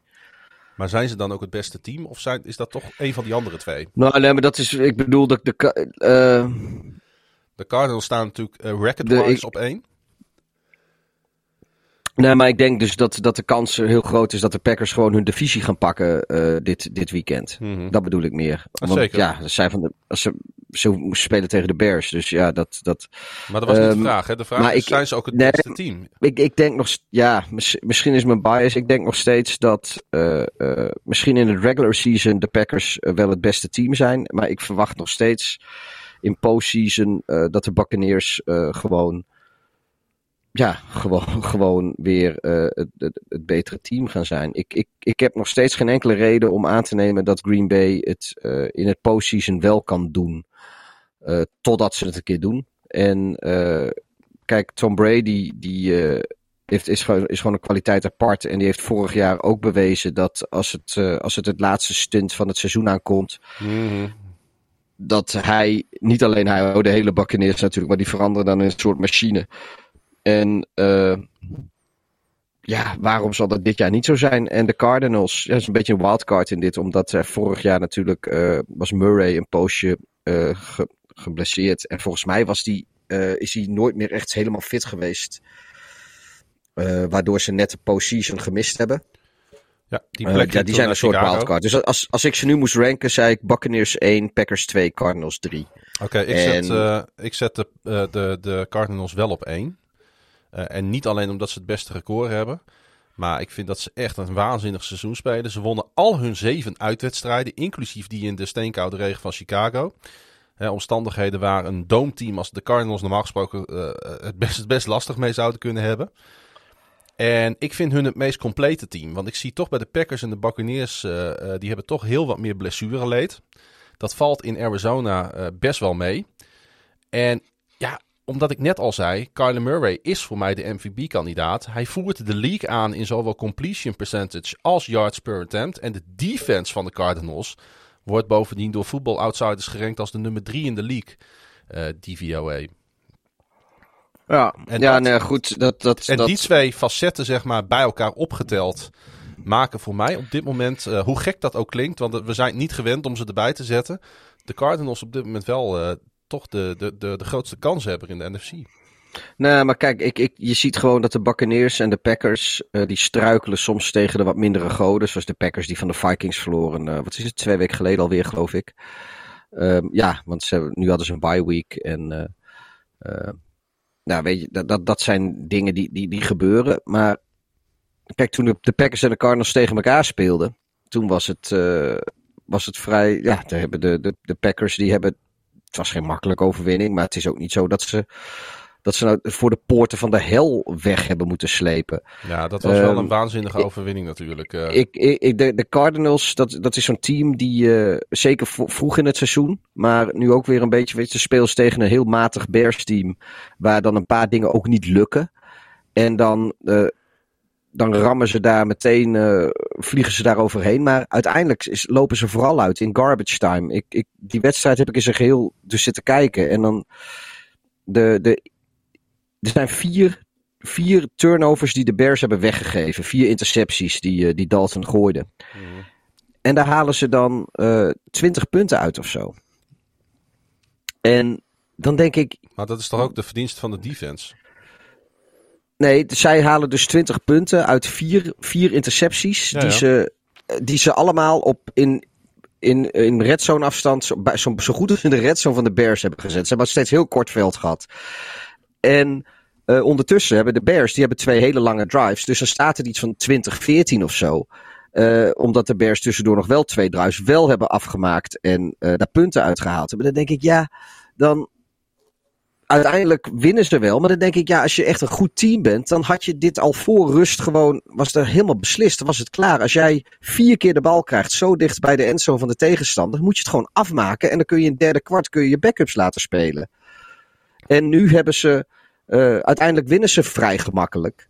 En het is ook niet, ik heb ook geen seconde het idee gehad dat, dat de Bears hier kans hadden. Maar uh, ze gaan best wel slordig om met, met wat de Bears geeft. En als je dat tegen een iets beter team doet, dan heb je het echt heel lastig. Kijk, tegen de Bears komen mee weg. Maar ik, dat vind ik zorgelijk. Dat, dat ze dit, oké, het was de eerste wedstrijd terug van Murray. Maar ja, ik vind het zorgelijk dat, ze, dat hun defense, uh, tenzij Dalton een absolute hersenscheet van een bal gooit, de Bears offense niet zozeer van het veld kon krijgen. En uh, hun offense ja, niet maximaal profiteert van de, van de, van de, van de presenteerblaadjes waar, uh, waar de kans op lagen die ze kregen van de Bears. Ja. En ja, dat vind ik zorgelijk ik voor zie, hun. Ik zie wel een hele goede defense met uh, geweldige spelers als Jalen Thompson, Buda Baker. Die ook allebei een pass volgens mij onderschepten in deze wedstrijd. Ja. Ja, en ik vind nee, het, maar dit is, ik, je hebt, natuurlijk, ik zeg ook niet dat je geen gelijk hebt. Ik zeg alleen dat ik, ja, ik vind dat de Cardinals, uh, ja, ze zijn, ze zijn er nog niet, zeg maar. Kijk, de Packers bijvoorbeeld, of de Buccaneers, als je die vier intercepties in een helft geeft, nou, dan staan er, uh, er staan er echt wel meer punten op het bord, hoor. Dan, dan fietsen ze helemaal over je heen. Ja. Dan, dan, doe je, dan ben jij een derde kwart ben je er niet meer bij. Ja, die wedstrijd tegen de Rams komt te komen het weekend aan. En dat wordt zowel voor de Rams als de Cardinals wordt dat natuurlijk een, een key matchup. Ja, daar, nee, ga, dat daar, ga, daar gaan we zien wie van die twee uh, de beste is. Uh, dan wel de slimste. En, uh, en, en, en, en denk ik dan ook voor hun het reguliere seizoen in het slot gaat gooien. Ja, nou ja, voor mij mogen de Cardinals mogen de NFC winnen. Want ik vind het wel eens een keer leuk, weer wat anders. Absoluut. Hey. Eén, uh, één statistiekje wil ik nog even uitpakken uit deze wedstrijd. Want Murray, die uh, uh, hij heeft nu uh, tenminste 10.000 yards passing en 1500 rushing yards in zijn eerste drie seizoenen genoteerd. En ondanks dat hij dus ook wedstrijden gemist heeft. En er is één andere speler die dat in de geschiedenis van de NFL ook heeft gedaan. Dat is niet zo heel moeilijk. Dat is Cam Newton. Kijk. Die had deze stat ook. Um, moet ik weer even terugscrollen naar ons uh, scriptje. Ja, Janno. Die, uh, want uh, daar wou ik even naartoe. Naar de AFC East. Waar we natuurlijk best wel een bijzondere wederopstanding zien van zowel Miami als New England. En Janno die vraagt, hoe verklaren jullie dat nu? Nou, we hebben het al vaker over de Dolphins gehad dit seizoen natuurlijk. En toen heb ik al beloofd van, ik ga binnenkort eens even kijken hoe dat nou kan dat die Dolphins toch uh, sneaky een stukje beter zijn dan wij met elkaar een paar weken geleden dachten. Ze wonnen natuurlijk met uh, 20-9 afgelopen weekend van de Giants. En Miami is nu het tweede team in de geschiedenis van de NFL die na een losing streak van 7 vijf keer op rij wist te winnen. Laatste keer dat dat gebeurde en ook de enige andere keer dat dat gebeurde was in 1994 toen de Giants dit uh, deden. Die wonnen zes keer na zeven uh, keer een nederlaag op rij. Is er iets wat jou uh, op is gevallen bij de Miami Dolphins de afgelopen weken, Pieter? Nou ja, We hebben niet alles kijk, gezien natuurlijk. Nee, uh, Tua die was er natuurlijk voor een deel van de losing streak was hij er niet bij. En uh, dus, dus ja, daar, daar, daar zat misschien, zal het een en ander in gezeten hebben. Ze speelden geloof ik met uh, Jacoby Brissett hebben ze gespeeld, een poos. Ja. Nou ja, alle respect voor Jacoby Brissett, maar ja, je, als de toekomst de, in Miami vinden ze nog steeds is Tua. Dus uh, die zou echt veel beter moeten zijn. En hij uh, speelt ook gewoon echt goed. Een beetje onder de radar. Omdat gaat, tegenwoordig gaat er heel veel aandacht uit naar bijvoorbeeld Mac Jones. bij hem in de divisie. Terecht overigens. Maar um, Tua die is sneaky heel goed bezig. sinds, sinds hij terug is. En ik wil nog niet zeggen dat ik, uh, dat ik een believer ben. Ik heb heel vaak gezegd dat ik, uh, dat ik het heel graag wil zijn, maar dat ik nog niet overtuigd ben. Maar zo langzamerhand begin ik wel meer en meer vertrouwen te krijgen in, uh, in deze jongen. Nou, ik kan het wel hard maken, want ik heb even wat over hem opgezocht. Ja, zijn statistieken zijn echt bizar goed nou op ja, moment. Uh, wat, wat de kwaliteit van Tua is, en dat had hij bij Alabama had hij dat ook al. Uh, hij heeft de kwaliteiten om een wedstrijd sterk te eindigen. Um, en hij is uh, wat dat betreft echt een fourth quarter quarterback, als je begrijpt wat ik ermee bedoel. Afgelopen zondag was hij in het laatste kwart 7 uit 9 voor 89 yards en een touchdown. En Tagovailoa's passer uh, rating splits in het vierde kwart, die zijn wat dat betreft ongeëvenaard. Want sterker nog, zijn 109,7 passer rating in het vierde kwart is de beste rating van alle quarterbacks over de laatste 28 jaar. Nou, ja, nou ja, goed, dat, dat bedoel ik maar. En over het hele seizoen rankt Tua nu tweede. Dus over de hele NFL, hè? Tweede in completion percentage en achtste in total quarterback rating. Dus hij staat gewoon echt bij de, bij de, bij de top quarterbacks van dit jaar. Nee, ik bedoel, ik, uh, ik, ik, uh, ja, ik, ik zie uh, Angelo iedere weekend voor mijn geestesoog al vol trots zijn, zijn helm op, oppoetsen. met het idee dat hij Tua weer mag zien spelen. En dat, dat, dat is wel mooi, denk ik. Want ja, nou ja, goed. Ja, zoals ik zei, joh. Het is, uh, uh, ik gun het die jongen zo. En ik gun het Miami ook zo als, als uh, franchise gewoon. Om ook weer. Weet je, het leek heel even er weer op dat, dat, dat, dat, dat, dat zij weer achter het net zouden pissen, omdat vissen moet ik zeggen, omdat, uh, omdat New England uh, in één keer toch ook weer goed is. Terwijl mensen dachten dat het misschien iets langer overheen zou gaan voordat die weer goed zouden zijn. Nee, ik, uh, ik vind het mooi. En, en die, die Jalen Waddle natuurlijk, weet je, die. Ja, ja die, kan, die, kan, ook, zien, die kan ook een bal vangen. En, en ja, die kent Tua en hij kennen elkaar natuurlijk een beetje. En. Nou ja, hij had zijn 86ste, 86ste catch. Uh, daarmee ging die Jarvis Landry voorbij uh, voor de meeste catches door een uh, rookie. En Waddle staat nu tweede in de NFL in receptions onder alle spelers. Hij is veertiende in receiving yards. En als we het over rookies hebben, want we weten natuurlijk allemaal dat de Dolphins hadden best wat picks in de afgelopen draft. En daar zijn ook wel wat vraagtekens bij gezet bij hun keuzes. Maar het lijkt nu toch allemaal wel goed uit te pakken.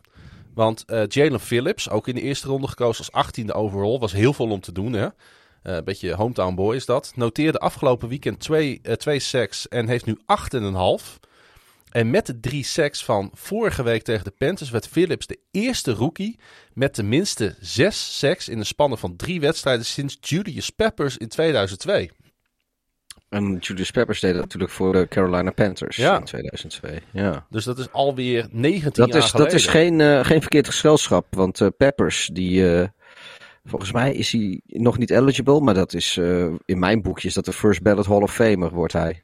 Nou ja, en die Phillips, daar was natuurlijk een, daar hing een soort van mist van wel of niet geblesseerd, hing daar een beetje omheen. Maar hij laat het absoluut zien. En ze hebben daar ook nog een uh, rookie safety rondlopen, Javon Holland. Hij mm -hmm. voert de NFL safeties aan in quarterback pressures. Volgens PFF, Pro Football Focus. En hij staat ook gedeeld derde onder alle safeties met negen passes defended. Ja, ik weet het is een beetje statistieken oplepelen wat ik doe. Maar allemaal om aan te geven dat het een soort van teamprestatie op dit moment is. Het is de quarterback die goed presteert. Het zijn de rookies die goed uh, presteren. En eindelijk uh, uh, komt die defense eruit bij de Dolphins. Wat natuurlijk in de Ja. eerste week totaal niet het geval was. Nee, het enige wat, wat ik hoop, kijk, het is. eh, ja, ze, kunnen, ze kunnen zo nog het eh, postseason in, in, in, inrollen als het een beetje mee zit. Maar eh, wat ik vooral hoop is dat, dat waar ze, wat, wat ze nu laten zien dit seizoen, de laatste zeven wedstrijden, zes wedstrijden, eh, dat, dat, dat, dat ze daarop voort kunnen bouwen en dat dat gewoon eh, tekenend gaat worden voor waar ze volgend jaar staan. En dat ze niet eh, dan weer opnieuw moeten beginnen. Want dat, dat is ook wel een beetje het probleem tussen, tussen goede organisaties en, en minder goede organisaties. Is dat als eh, minder goede organisaties op een gegeven moment het lek boven lijken te hebben, maar het, dat gebeurt dan halverwege het seizoen pas of zo. Dat, dat ze als een heel off-season met, met alle roster changes die daarbij komen kijken en andere dingen die wijzigen, misschien her en der wat in de staf. Maar ik zou bijna Enzovoort. zeggen, welcome to Miami. Want dat was precies wat er vorig jaar natuurlijk ook gebeurde. Ja, en, eh, en, dan, en dan moet je weer overnieuw beginnen. En dan zit je weer een half jaar lang, zit je eerste half seizoen, zit je een beetje uit te vogelen wat je nou eigenlijk eh, de bedoeling is. En tegen de tijd dat je door hebt, is het, is het wel leuk, maar is het te laat. En eh, daar ben ik een beetje bang voor. Ik, ik hoop heel erg dat het niet zo is, want ik denk gewoon ook, ja, de NFL is leuker als de Miami Dolphins gewoon goed zijn. Absoluut. En over eh, de Patriots gaan we, zo, gaan we het zo nog even hebben. Als we die, eh, ja, toch krankzinnig rare, vreemde Monday Night Football nog even gaan bespreken. Eh, eerst nog even door naar de vraag van Robert Roodstand. Wel een interessante vraag. Hij zegt, verwachten jullie een quarterback carousel? Want de Broncos, de Steelers, de Lions, Washington, Dolphins, Texans, Panthers... die zitten met een quarterback die duidelijk geen franchise quarterback is... waar de nodige twijfels over bestaan... En wie weet wat Wilson, Rodgers en eventueel de Vikings met Cousins van plan zijn. Chris zegt vervolgens in dat Twitter-draadje: je mag hier de Browns ook aan toevoegen. Mhm. Eh, waarop Ivo, die ook Browns-fan is, net als Chris, het daar eigenlijk dan weer niet mee eens is. Hij zegt: het Freddy Kitchens-experiment kan je hem moeilijk aanrekenen. Dit jaar zit hij met duct tape en nietjes aan elkaar. Daarbij is alles net niet in de offense. En niet alleen de quarterback. Maar de, vraag, de initiële vraag is dus: komt die- er een quarterback carousel. op, op gang? Nou, laten we even eerlijk zijn. eh eh, Cousins, die kunnen we wegstrepen. Want als jij. bij de Broncos hebben ze Bridgewater. Ik heb Bridgewater liever dan Cousins. Als ik de Broncos ben. Eh, de Lions, ik heb liever Goff als Cousins. Eh, Washington, ik heb liever Heineken als Cousins. Dolphins, nou ja, toen hebben we net gezegd, er is geen enkele reden om daar op dit moment aan te, te gaan denken dat ze daaraan gaan sleutelen. Eh, zou ik dom zijn. Eh, Texans, ja oké, maar dan ga je van de ene keutel naar de andere keutel. Dus eh, Ja, en als er een goede college quarterback bij zit, daar lijkt het op dit moment niet op dat er een, dat er een, dat er een generational talent rondloopt in Ja. 2022. Dan kunnen de Texans die natuurlijk ehm, wel of niet oppikken. Hebben die wel of geen? Nee, die hebben geen eerste ronde. Die pick. zit, eh, die zit in Miami. Ja. Maar eh, nee, dus ik zou eigenlijk willen zeggen dat eh, waarschijnlijk in dat rijtje Broncos, Steelers, Lions, Washington, Dolphins, Texans en Panthers, die waarschijnlijk een quarterback willen hebben komend offseason, daar kun je de Vikings wel aan toevoegen, want die gaan er ook om vragen, want Cousins is het ook niet. Nee. Dus, en dat Cousins die komt heus wel terecht weer bij een team, dat denk ik wel. Maar eh, ik denk niet dat er een team echt heel erg met hem op vooruit gaat. Want Cousins, die, ja, dat zullen ze in Minnesota, kan iedere Vikings-fan kan je dat vertellen. In, in Washington kan iedere voetbalteam, of toen nog Redskins-fan je dat vertellen. Eh, je denkt dat je wat aan hem hebt en op het moment dat, dat je dat denkt, dan, dan verneukt hij je, dan verpest hij het en dan is er helemaal niks. Je, je, je wint niks met hem, je wordt niet beter met hem. Eh, Ja. het, het, het is gewoon. Hoe zegt dat in geen Gronings? Net geen stront, net geen regenwotter. Ja, Dus- als jij dat zegt, dan zal dat wel zo zijn. Of is dat Drents? Nou, wat is het? half stront, half regenwotter? Dat is het toch? ja. Dat is, toch- dat is volgens mij toch de uitdrukking? Of ben ik nu gek? ja, het zou best kunnen, joh. Ik ben niet zo goed in Gronings. Oh, nou, Eh. volgens mij is het, eh, dat, eh, voor de Groningse luisteraars volgens mij half stront, half regenwotter of zoiets. Dat, dat is het. En ja, dat is niet per se positief. Nee. Hey, ik heb even op basis van deze vraag ingezoomd op één team waar we het nou, misschien niet zo vaak over hebben. En daarom dacht ik van misschien een gelegenheid om het eens een keer over de Denver Broncos te hebben en hun situatie. Ze hadden Justin Fields kunnen hebben, dat is heel de gezeik Nou ja, niet dat gehad. is Ja, wel. Dat, dat moet, je, je kunt het. Je moet het Of Mac Jones. benoemen, inderdaad. Want ze zijn natuurlijk met hun negende pick in de afgelopen draft. Niet voor Justin Fields, Mac Jones gegaan. Maar general manager George Payton. Die koos voor cornerback Pat Surtain de second.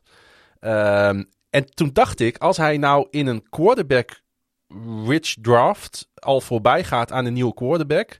Waarom zou hij dan in de komende draft wel opeens voor een quarterback gaan in een draft die nu al wordt bestempeld als een weak draft op die positie? Ja, ja en meh.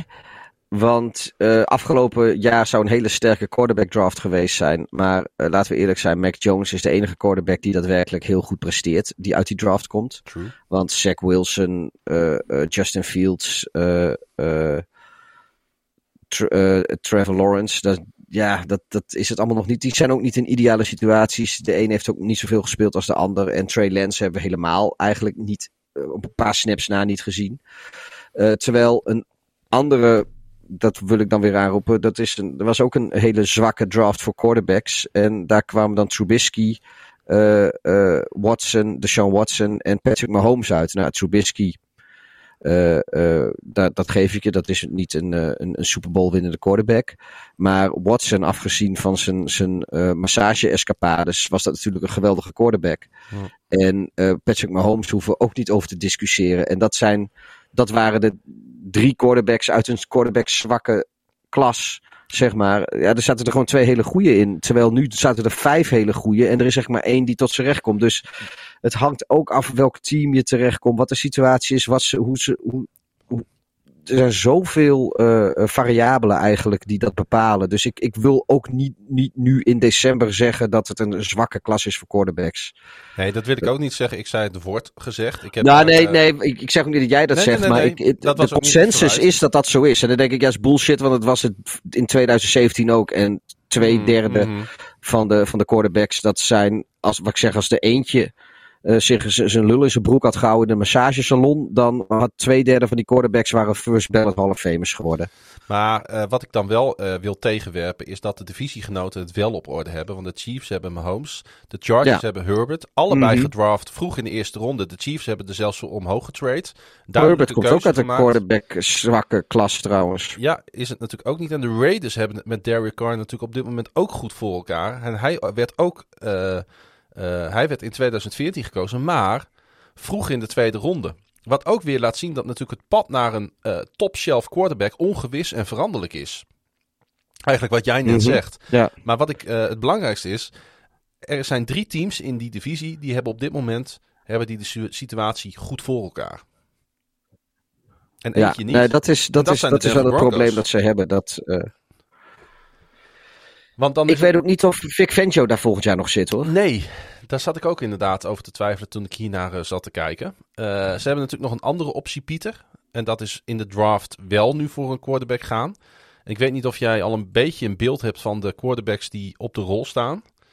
Maar ik heb wel uh, begrepen dat Peyton, dus de general manager van de Broncos, al een aantal quarterbacks heeft zien spelen en heeft ontmoet. Nou ja, logisch in de situatie van de Broncos. En het gaat om Malik Willis van Liberty. Liberty, Liberty. Met, Liberty. met Coral met van... Cor met, met, ja, met Corral. Dat is de enige die ik ken van, van deze... Van... Uh, Sam Howell van North Carolina. En uh, misschien wel, ik denk op dit moment wordt hij bestempeld als de eerste quarterback die zal gaan. Kenny Pickett van, uh, van Pittsburgh. Ja, Matt Corral is volgens mij de consensus tweede quarterback in deze klas Ja. van Ole Miss. Ja, ja, Ik, ik kan er niks over zeggen, want ik kijk er te weinig college voor. Maar ik denk, ik, ga in ieder, ik zal in ieder geval de namen noemen. En dan eh, kunnen we ze misschien de komende tijd wat meer in de gaten houden. En kijken of het wat, eh, wat wordt volgend jaar. Weet je wat het probleem is van, een- van een team als de Broncos nu? Wat is, wat is hun record nu? Ze hebben vijf keer gewonnen. Nee, staat op 6-6. 6-6. Ze hebben zes keer Ja. gewonnen zelfs. Dus eh, ze, ze, ze kiezen ergens rond de 15e, 16e plek straks in de draft. Als dit zo doorgaat. En eh, als je dan weer de consensus mag geloven, dan uh, de, de verwachting is dat, uh, dat geen van de talenten in de quarterback class van dit seizoen, of van komende draft, dat die top 10 pick waardig is. Dus er gaan nu alweer van die, van die speculaties gaan dan weer de wereld rond. Dat dit wel eens de eerste of een van de eerste drafts ooit kan zijn waarin de top 10 geen quarterback wordt gekozen. Maar we weten allebei dat dat niet waar is, want er zijn genoeg teams die in de top 10 pikken die om een quarterback verlegen zitten. Uh, dat houdt dan weer in dat uh, er zijn waarschijnlijk maar twee, twee quarterbacks maximaal uh, waar de Broncos het hier in zien zitten.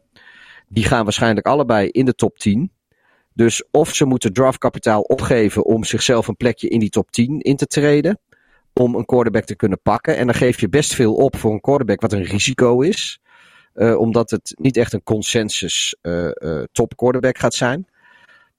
Of je vist weer achter het net als je gewoon op je eigen plek blijft zitten. En dan kom je weer met een cornerback of zo uit die draft. En dan moet je weer een jaar wachten op een quarterback. Of je moet weer, net als dit jaar, in free agency gaan kijken wat er in je schoot valt. En ja, vroeg of laat, uh, die defense van de Broncos, nou ja, uh, van Miller is er al weg. Dat, dat blijft ook niet eeuwig zo. Ja, ik, ik. Ze zitten in een lastig pakket hoor, denk ik toch. Ja. Eh, ik zit trouwens even na te kijken, maar Houston heeft wel een eerste ronde pick eh, in deze draft. Is dat zo? Die- Ja. Nee, die hebben Ja, ze weg. die hebben ze dat- hebben al een... Die hebben op dit moment hebben die de derde pick achter Detroit en Jacksonville. Maar die hebben ze toch weggetraind? Ja, eh, eh, vorig jaar hebben ze die weggetrade. Ja, maar die van komend jaar ook. Ze, ze hebben voor twee jaar hun rondes weggetraind. Dat, dat, dat is allemaal met die Laramie Nou, Tunsil dat en, even- en weet ik wat allemaal. Moeten we dat even uitzoeken, want ik heb hem in iedere draft order staat die, eh, staan ze gewoon derde. Waar de Jets bijvoorbeeld wel twee picks op dit moment hebben op 4 en 5 en de Giants op 6 en 7. Ehm, en Miami heeft er een van, van, eh, van Philadelphia. Huh. Nee, Philadelphia heeft er een van Miami. Zo moet ik het zeggen. En Philadelphia heeft er ook een van de Colts. Ja, En Miami, Nou, en Miami dat, heeft er dan eh, weer een van San Francisco. ik dacht dat. Nou goed, dan, eh, dan, dan zal dat zo zijn. Ja, hij staat er echt in op dit moment. Ja, nee, dat, dat, dat zal dan. Dat, ik, ik meende dat zij, zij dat nog weggetraind hadden. Want jij zegt dat zo, maar er zijn voor mij... eh, eh, ja, er zijn echt wel een aantal teams inderdaad. Want eh, Houston zal voor een quarterback eventueel gaan. Lions. De, de, de, de Giants. Want Daniel Jones is ook niet het winnende recept. De Falcons. Als die eindelijk voor die volledige rebuild durven te kiezen, gaan die natuurlijk ook voor een nieuwe quarterback. de Panthers. Ja, en de Vikings. Ik, zit alleen te kijken naar wat er boven de Broncos staat. Omdat dat de teams het over hadden die voor een quarterback zouden kunnen gaan. nou, er zitten we twee picks van de Eagles, die niet.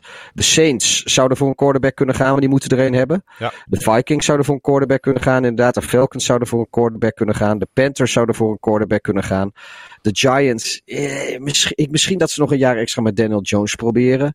De Jets, die gaan het met Zach Wilson proberen. Dan heb je weer de Giants en weer de Jets. Dan heb je Houston, die willen een quarterback.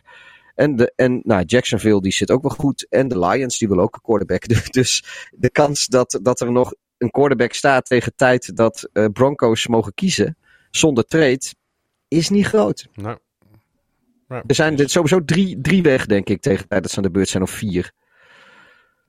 En als, ehm, en nog even een andere route, als, eh, als ze nou voor een blockbuster trade gaan, bijvoorbeeld eh, de Broncos, dan liggen er een, ook niet zo heel veel opties op tafel, denk ik. Dan denk ik dat je, als je het echt over de grote trades hebt, dan heb je het inderdaad over Russell Wilson, Aaron Rodgers of Deshaun Watson. Als daar iets eh, gaat gebeuren in het voordeel van Watson. Wat, wat, wat waren de namen die je noemde? Eh, Wilson, Rodgers en eh, Watson. Ja, Wilson heeft wel aange- aangekondigd dat hij voor de Broncos een no-trade clause wil. Ja. Die wil, vorig jaar zei hij nog de Saints, de Broncos, de Raiders en de Bears. En nu zijn het de Saints, de Broncos en de Giants. En de Broncos zouden het kunnen doen, want ze hebben goed eh, draft cap- capital op dit moment staan. Ze hebben ook hun salary cap space op orde. Dus ze zouden natuurlijk een elite quarterback kun- binnen kunnen halen.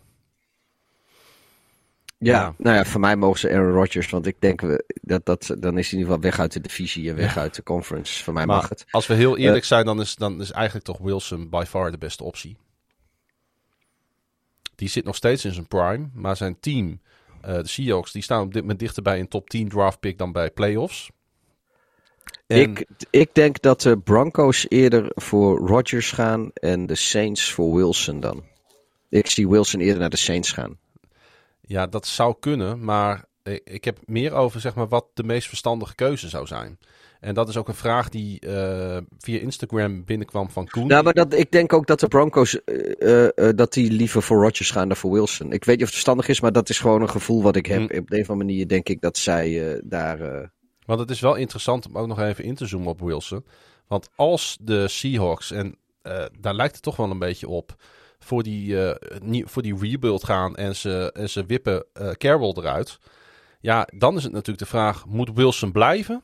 Want dan gaan ze hem ook een nieuw contract voorleggen. En dan heeft hij waarschijnlijk, gaat hij ook zeggenschap krijgen binnen de organisatie. nou ja, hij zal in ieder geval mee mogen praten met eh, nieuwe, nieuwe coaches.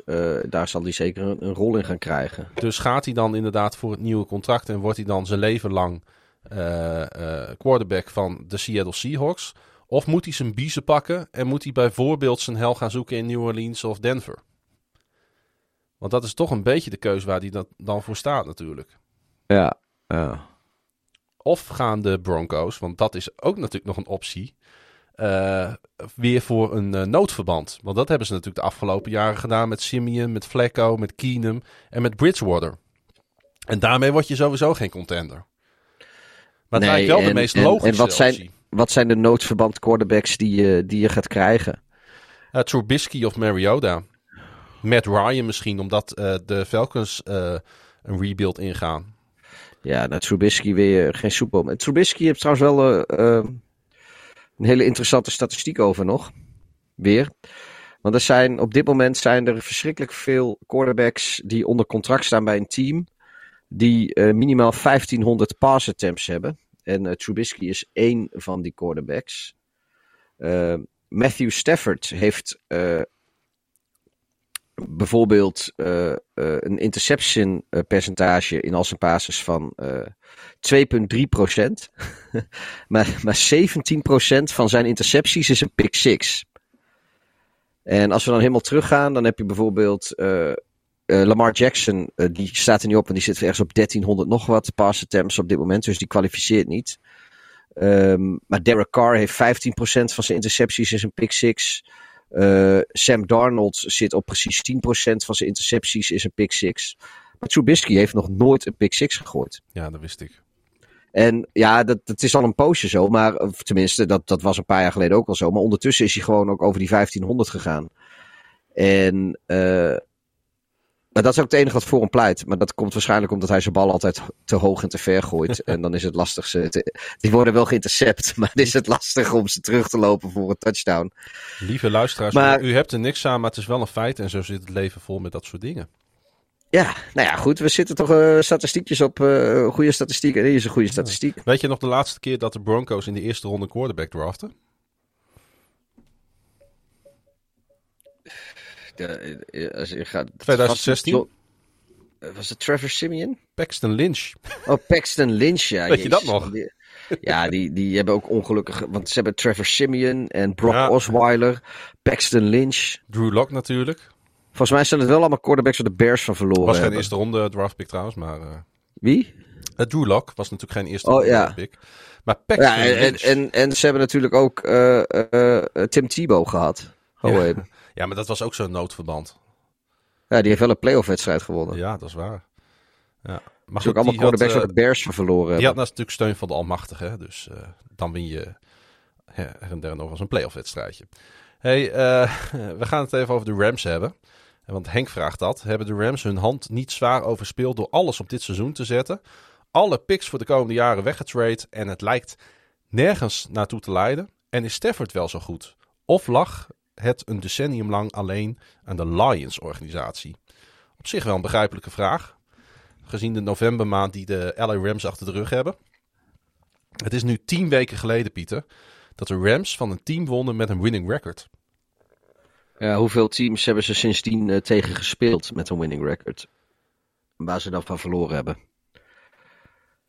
Ja, dan zou ik even heel snel... eh, Ja, nee, nou kijk, ik, ik, ik, ik, dit zijn contextuele statistieken. En eh, eh, ze hebben, maar ja, ja, ze hadden meer moeten winnen. Ze Nou ja, vallen me een ze- beetje tegen. Ze hebben verloren van, van, van, van Arizona natuurlijk. Ja. Van Tennessee. Van San Francisco en van Green Bay. Dat waren hun losses. En hun wins waren tegen Houston, Detroit, New York Giants en, eh, en Seattle. Ja.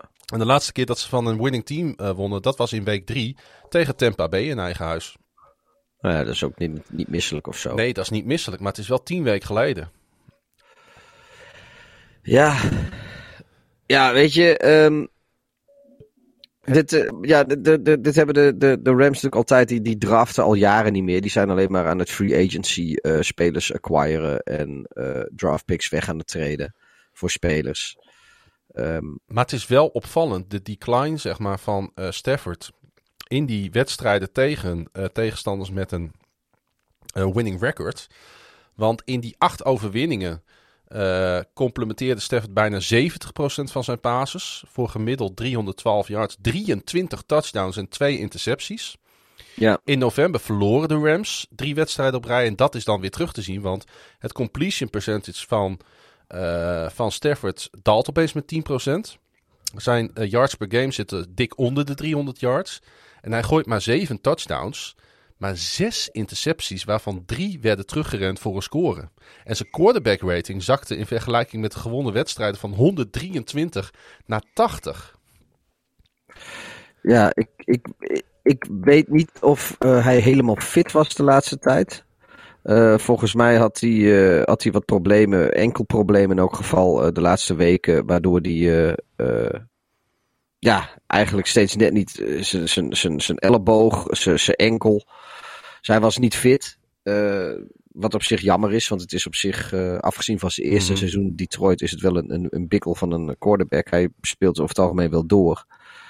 Um, ja, ik wil, daar, ik wil daar alles niet aan ophangen. Uh, want dan, als, als, je, als je speelt, moet je gewoon winnen. En als je niet fit genoeg bent om te winnen, moet je misschien ook wel niet spelen. Maar uh, ik denk dat het nog te vroeg is om, uh, om, om, de, om de Rams weg te cijferen. Of om te zeggen dat ze hun hand overspeeld hebben. Ik denk dat, dat de Rams, er zit nog steeds genoeg talent op dat roster om een heel eind te komen in het postseason. En ik geloof op dit moment nog steeds in, in dat met Stafford goed genoeg is om, om ook een heel eind te komen. Ja, wat ik eerder in de aflevering ook al zei. Ik denk dat komende maandagavond uh, de wedstrijd tegen... Um, um, tegen wie spelen ze nou? Wat zei ik nou? Tegen de Cardinals de natuurlijk. Cardinals, Ja, dat- Arizona. Dat is natuurlijk wel een must-win nu geworden hè, voor de Rams. En zeker voor Stafford, die nu toch wel moet laten zien in deze quarterback-driven league... dat hij de onberispelijke leider van de, van de, van de Rams is. Ja. Nee, maar goed. Ja, het is... eh, ja, ik zeg, hij is, hij is net niet helemaal fit. Hij zit met zijn elleboog, zijn enkel. En dan, en dan moet het ook weer van de running backs komen. En laten we niet vergeten dat eh, ze natuurlijk al eh, heel vroeg in het seizoen... of eigenlijk in het voorseizoen Cam Akers al verloren hebben. Ja, eh, hallo, nou, nee, zo kan ik Nee, maar goed, kijk, als je, ze en, en ze spelen al met, met backup running backs. Ja, en. Jij hebt wel een softspot voor deze man, hè? Je kan niet echt... Nou, nee, ik, ik, ik, ik vind, weet je, ik, ik zie de decline van, van, van, de, van de Rams, zie ik gelijk met, met, zijn, met, met, zijn, met zijn blessurelijst. Weet je, dat valt samen. En eh, kijk, we weten allemaal eh, hoe lastig het is als je quarterback niet fit is. En met een backup quarterback wordt het helemaal lastig. Ehm, ja, ik, ik, ik ben een, ze zijn er nog steeds, ze doen nog steeds volop mee. Dus eh, Nee, zeker Ja. doen ze mee. Het, ze, ze gaan ook gewoon die playoffs halen. Ja, ik moet het nog zien hoor. Tegen, maar het wordt wel leuk. Tegen de Ja. Cardinals en de Packers en de Buccaneers. Man, dat nou ja, worden- vraag, vraag hem dit volgende week weer. Als, Ja. als, ze Nou, als ja, ze zo goed, op het ijs gegaan zijn. Precies. Maar het zijn wel wedstrijden om nu al naar uit te kijken. Want die gaan tegen dat elkaar spelen. Dat eh, weten we nu al. Vraagje van Martijn. Die zegt, eh, want daar speelden de Rams afgelopen weekend tegen. eh, tegen Jacksonville. Gaat Trevor Lawrence nog loskomen dit seizoen? Of zit er gewoon niet meer in op dit moment? Nou, ik denk dat er niet meer in zit met de huidige coachingstaf. Ik, ik, ja. Ja. ja, weet je, hij heeft wel dingen laten zien dat je zegt van, oh, weet je, er zit echt wat talent in. Mhm. Is het niet gewoon dat hij een betere supporting cast nodig heeft, Pieter? Is dat niet gewoon het hele verhaal? Nou, niet, niet alleen dat. Hij moet vooral betere, betere game. Weet je, hij moet gewoon een betere gameplan die meer, meer past bij wat zijn talent is. En, en ja, hij zit gewoon, hij zit echt gewoon tot, tot, aan zijn, tot aan zijn navel in een moeras van middelmatigheid. Van meh. Ja, weet je, dan is het lastig spelen. Voor, weet je, als je Tom Brady daar neerzet, is het ook gewoon. Dat denk je ook van, nou, wat, wat, wat, wat verdoe ik mijn tijd mee als je. Als je ik, ja, Ja. als je Tom Brady met dit roster, met deze coachingstaf op dit, bij ditzelfde Jacksonville Jaguars neer zou zetten. Ik denk wel dat ze een, een wedstrijdje of wat extra gewonnen hadden. Vooral wat close games misschien. Ja, ik vraag me Maar, af, joh. Er is, eh, er is geen quarterback die daar lukt. Minshew die heeft eh, in, in die tweejarige... eh, dat tweejarige En wanneer verblijf- is er een goede quarterback geweest? Ja, Ik, ik denk dat, dat Brady hier een paar extra wedstrijden had gewonnen. Maar dan was het nog steeds de moeite van maar het kijken. Minshew heeft met een goede supporting cast natuurlijk afgelopen weekend wel laten zien wat hij kan. En er loopt in Jacksonville niet één eh, receiver rond die gewoon de volle breedte van dat veld kan bespelen en, eh, en de plays kan maken. Nee, nee, klopt. En eh, af en toe bij vlagen laat Trevor Lawrence wel zien waarom hij de eerste draftpick was. Ja, Maar af en toe doet hij ook van die, van die head scratchers. Dat ik denk van, kerel, wat doe je nou? Maar ja, dat, dat is ook logisch, want het is een rookie. Dus daar moet je hem eigenlijk ook niet eens op aanvallen. Het is wel een klein beetje pech ook, hè, dat ze gewoon uh, DJ Chark uh, junior en Jamal Agnew uh, nu kwijt zijn met blessures. Ja. Het lijkt wel alsof alle, altijd alles daar maar tegen zit. ja, nee, maar dat, dat is het dus. Kijk, als je, als je daar met een rookie quarterback speelt, hoeveel talent hij ook heeft, op het moment dat er dan wel dingen geforceerd kunnen worden door zo'n quarterback, ja, dan moet je dan is een rookie niet de persoon die het doet voor je. Dus dan wordt het ook gewoon lastig. En dan blijf je ook in een soort van per, perpetume hmm. mobile van, van ellende zitten. Absoluut. Uh, maar ze verloren dus weer. Dat was natuurlijk een logische overwinning voor de Rams. Ja. Dikke overwinning op de Jacksonville Jaguars. Um, goeie vraag. Goeie vraag komt eraan, zeg, zie ik. Herman die zegt niet lullig bedoeld, maar is Lamar over zijn hoogtepunt? Ja, uh, dat denk ik niet. Um, ik volg natuurlijk de Ravens op de voet. Ik heb ze natuurlijk de laatste uh, jaren uh, geweldige overwinningen zien behalen. En ik heb hem geweldige dingen zien, doen. En ik zie hem nog steeds af en toe geweldige dingen doen. Ik ga niet zeggen dat Lamar goed speelt. Maar echt, er is één heel groot probleem in Baltimore op dit moment. En dat is die O-line die ongelooflijk overschat is aan het begin van dit seizoen door, door de mensen op de kantoren bij de Ravens die het gewoon absoluut niet brengen. En ik denk dat die two-point conversion, want laten we die er dan maar even bijpakken, die, dat die wat dat betreft karakteristiek was voor hoe die O-line uh, erbij staat bij de Ravens. Waar gewoon mensen hun block assignments missen. Want op zich, dat balletje van Lamar, dat is op zich een, altijd een two-point conversion.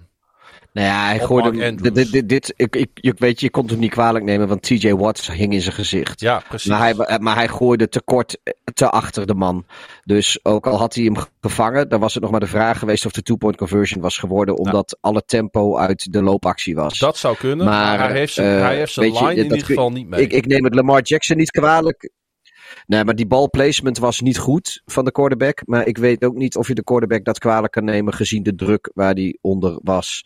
Uh, um, maar ik denk niet zozeer dat Lamar over zijn hoogtepunt is. Ik denk dat Lamar, los van de O-line problemen, denk ik ook dat Lamar zijn eigen probleem is in de zin van um, hij is te vaak ziek, zwak of misselijk, waardoor hij niet in een ritme komt, denk ik. Als, je moet gewoon ook in, in een ritme zijn. En nou ja, kijk, uh, Chicago wonnen de, wonnen de Ravens zonder hem. En, want, maar toen was hij ziek. Mm -hmm. uh, dan een week later uh, winnen ze van de Browns. Maar daar had hij ook alweer de hele week, of een grootste deel van de week, weer niet echt meegetraind. En nou ja, de Ravens winnen wel, maar laten we nog niet doen alsof ze daar eventjes met, met een overtuigende pot voetbal de Browns een poepie hebben laten ruiken.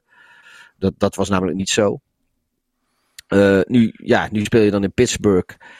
Ja, en dan, dan heb je eigenlijk een eenzelfde soort wedstrijd speel je, alleen uh, nu uit. En dan valt het dubbeltje eigenlijk weer net de andere kant op. Ik denk dat het niet alleen uh, een, een kwestie is van, uh, van, van zijn supporting cast in de vorm van de O-line. Maar ik denk ook dat, het, dat Lamar het voor zichzelf heel lastig maakt om in, om in een ritme te komen. Om in, om in een ritme te blijven. Om, om zijn vorm te vinden en die te houden. En dat heeft te maken met zijn gezondheid. En uh, of het, de ene keer zijn het wat fysieke ongemakken. Vorig jaar, was, volgens mij was het vorig jaar zat hij met zijn knie te pielen. Uh, dit jaar is hij, uh, is hij ziek, non-covid gerelateerd. Maar, maar en hij kan er niks aan doen, want ik neem aan dat hij ook gewoon liefst fit is. Mm -hmm. Maar ik denk wel dat dat een beetje een probleem is wat, wat, wat ja, dat Lamar is denk ik wel een, een speler meer dan bijvoorbeeld een methodische quarterback als Tom Brady, die ja, gewoon de hele, hele week op de bank kan zitten en dan zondagmiddag het stadion in komt en pop, pop, pop, pop, pop, die doet zijn werk en, en klaar. Dus zo'n speler is hij niet. Hij is zo'n speler op gevoel en op intuïtie. Dat daar moet een flow zijn, daar moet ritme zijn, daar moet, daar, daar moet meer zijn. En als dat er niet is, ja, dan is het lastig voor hem. Ja, maar ook dat soort spelers hebben uiteindelijk wel een playbook nodig. Discipline, details, uh, een gestructureerde uh, type passgame. Uh, want er moet wel een soort van basis zijn waarin je natuurlijk zo kan spelen zoals Lamar Jackson speelt. Ja, nee, en, klopt. En het is een absoluut dieptepunt natuurlijk waarop de Ravens op dit moment zitten. Ondanks die, aan, die paar overwinningen die wij ook in Amerika gezien hebben. Want ze hebben nu uh, vier wedstrijden op rij, als ik het goed heb, zeg ik uit mijn hoofd, uh, niet meer dan 20 punten gescoord.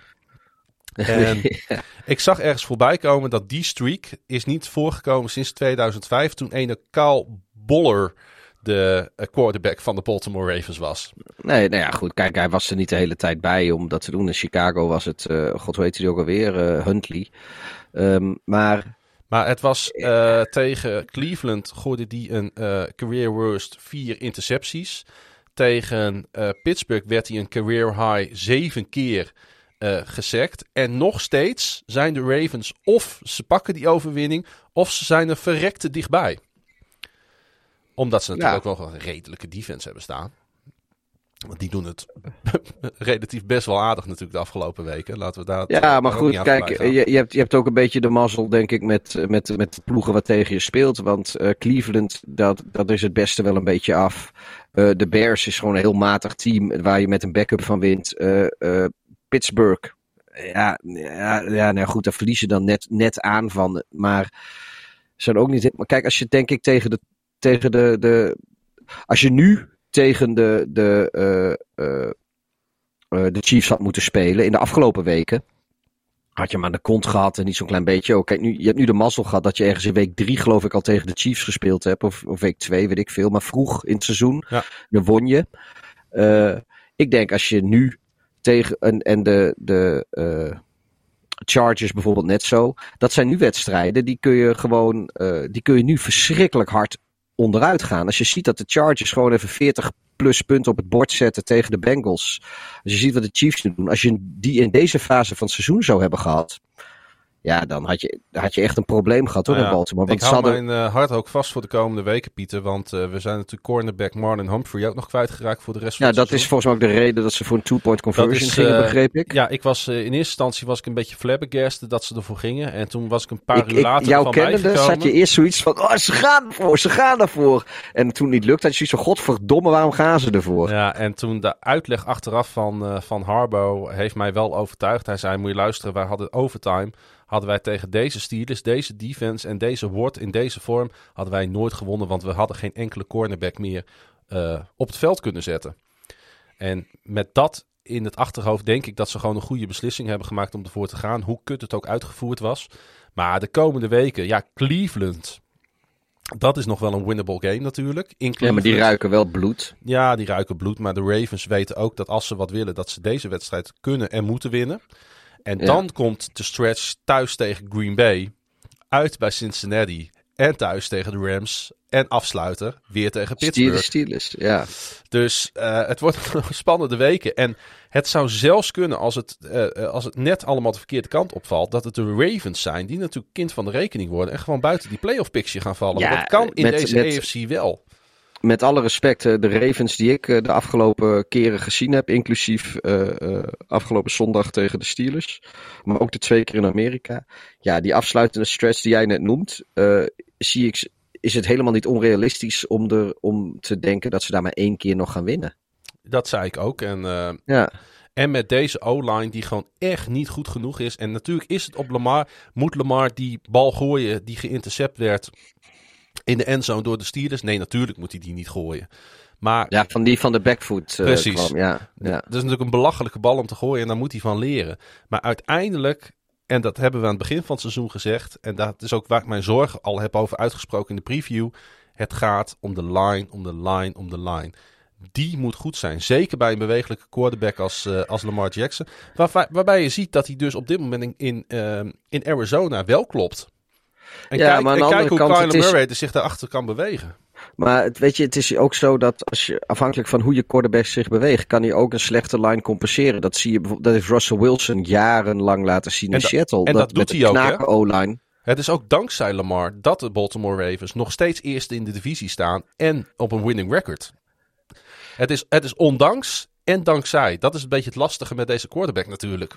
Ja, ja ik, ik, ik uh, uh, het is, hij staat gewoon wel in de top 10 uh, run, running backs tussen aanhalingstekens, hè? Ja, ja nee, dat klopt. Altijd. Maar ik, ik, ik, denk wel dat ik. ja, ik, ik, ik vind het lastig om. om weet je, kijk, uit zijn MVP-seizoen, er, was, er viel weinig op af te dingen. En het is ook zo. Kijk, als Lamar los is, is hij los. Nou, kijk naar die laatste drive van de Ravens. Maar zijn dalen zijn zo diep. Ja, zijn pieken zijn heel hoog, maar zijn dalen zijn ook best wel diep hoor. Het was een beetje vergelijkbaar met hoe Goff zeg maar die, uh, die drive neerzette voor de Lions, waarmee ze hem wonnen. Is een beetje vergelijkbaar ook met de manier waarop Jackson eventjes in, in iets meer dan een minuut tijd de Ravens gewoon op een touchdown zet. Ja. En dan vervolgens ja, de twee two-point conversion verkont je. Ja, win je, win je hem en pak je de two-point conversion wel. Dan wordt eh, John Harbaugh uh, samen met Lamar Jackson als held van het veld gedragen. En dan zitten we hier ook weer heel anders.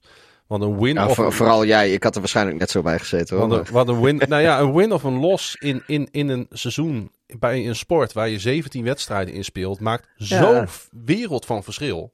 Ja, Sterker nee, nog, als we naar de Steelers kijken, die staan er ook opeens nu weer bij. Dit was wel een beetje... In, in, in de divisie gewonnen hebben tegen een make team... or break was het wat dat betreft voor de Steelers.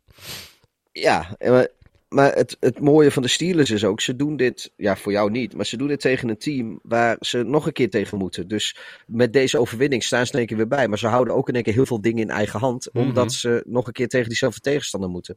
Ja. Uh, over de Steelers gesproken, dan moeten we het toch even hebben over de elephant in the room. Nou, dat is het ook niet echt. Marijn zegt, er, zijn er gaan geruchten dat dit seizoen het laatste is van Big Ben. Wat denken jullie daarvan? Nou ja, hij, heeft, hij schijnt inderdaad gezegd te hebben dat dit zijn laatste seizoen is. En iedereen heeft zoiets van, joh, echt? Hadden we nooit hadden we niet zien. Nou, nee, ja, ik denk dat de meeste mensen eigenlijk al gedacht hadden dat uh, vorig jaar zijn laatste jaar was en dat hij er nu al niet nou meer zou ja, zijn. We hadden het net over de quarterback situatie bij de Denver Broncos, maar uh, bij de Steelers hebben ze ook een probleem. Want hun backup... Ik denk trouwens dat de Steelers, dat dat, uh, even zonder gekheid en even zonder homerisme, ik denk dat de Steelers misschien wel een van de beste plekken is wat Trubisky te terecht kan komen straks. Want ik, de Steelers gaan niet een quarterback kunnen draften. Nee. En uh, uh, ja, weet je, Trubisky is denk ik eindeloos veel beter dan, god weet hij ook alweer die daar zit, die, die, Mason. die backup. Mason, Mason Rudolph. Mason Rudolph. Ja, en ik geloof ook Zou jij Matt steeds Ryan dat... niet een jaartje bij, bij de Steelers willen zien? Matt Ryan bij de Steelers. Ik, ja. weet, ik, denk dat, ik denk dat, ik denk dat het Steelers voetbal, dat, dat, net, dat met Ryan daar misschien net wat te verfijnd voor is. En het is wel een typische dome quarterback, uh, vind ik toch. Ik zou uh, met Ryan wel eens een jaartje bij, uh, bij de New Orleans Saints willen zien. Gewoon omdat het in de divisie, denk ik, de dynamiek redelijk opschudt. En ik denk ook dat, dat de Saints daadwerkelijk met hun defense en wat zij op offense hebben aan kwaliteiten nog een serieuze run kunnen maken als, als Matt Ryan daar staat als quarterback met een goed jaar.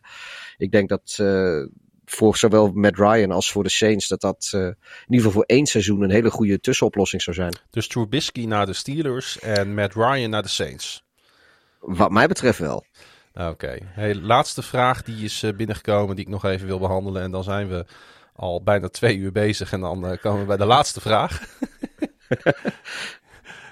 kunnen wij eindelijk zeggen dat de Patriots, vraag van Edward, en, en Big Bill Belichick in deze vorm misschien wel het beste team in de AFC zijn. En dat de NFL een fout heeft gemaakt Mac Jones naar de Patriots te laten gaan.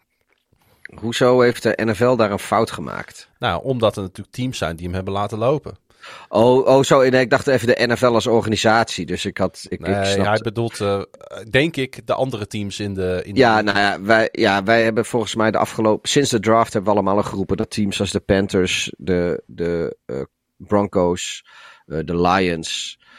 en misschien ook inderdaad eerder in de, in de draft volgorde al de Falcons. dat die misschien wel niet zo snugger zijn geweest door de quarterbacks die er nog waren. Waaronder dus Mac Jones niet te draften en voor wat anders te kiezen.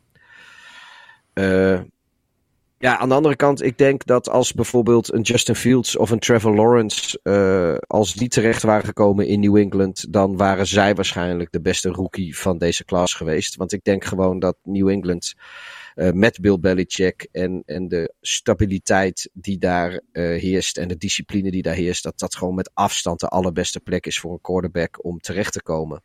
En, ja. en direct te kunnen presteren. Het was natuurlijk wel een bijzondere Monday Night Football, want laten we daar nou ook nog even bij stilstaan. We hebben het al een beetje over gehad, over de weersomstandigheden. Uh, 14-10 werd het voor New England. Um, uh -huh. En ik vond het wel mooi, tijdens de persconferentie had uh, quarterback Mac Jones, ondanks dus die hele rare vertoning, een grote glimlach op zijn gezicht. Want uh, hij gooide in totaal slechts drie passes in de 14-10 overwinning. Um, was, het, uh, was het dan niet uh, de laatste keer dat het team won met drie passes, was dat ook niet met de Bills en dan ergens in de jaren 70 In de jaren of 70, dag 74 uh, dacht ik inderdaad. Ja, en dat was Bills ja. Giants of zoiets. Zoiets, ja, mooi hè. De Patriots kozen 94% van hun offensive plays voor de run.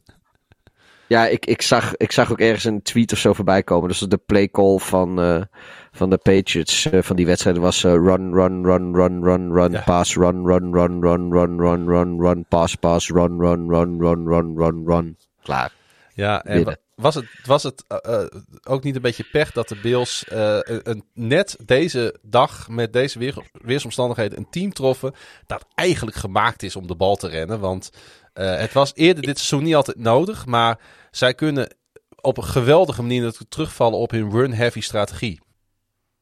Ja, wat, wat dat betreft waren de weersomstandigheden ook, ondanks dat Buffalo thuis speelde, gewoon in het voordeel van de, van de Patriots.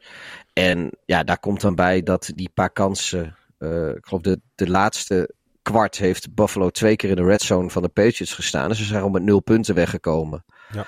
Terwijl uh, het heel dicht bij elkaar lag. En nu weet ik wel dat de omstandigheden voor een field goal niet ideaal waren. Maar ja, weet je, je kan ook gewoon een 30 yard field goal proberen in die omstandigheden. Want ze stonden er vrij dichtbij. En uh, ja, ik, ik, ik denk ook dat qua game calling, play calling en game uh, calling, inderdaad, van de, tactiek, dat, dat daar uh, de Bills het niet uh, het maximale eruit gehaald hebben. Nee, zeker niet. Want ik vind het wel grappig. Jij begint inderdaad over die, over die plays in de red zone.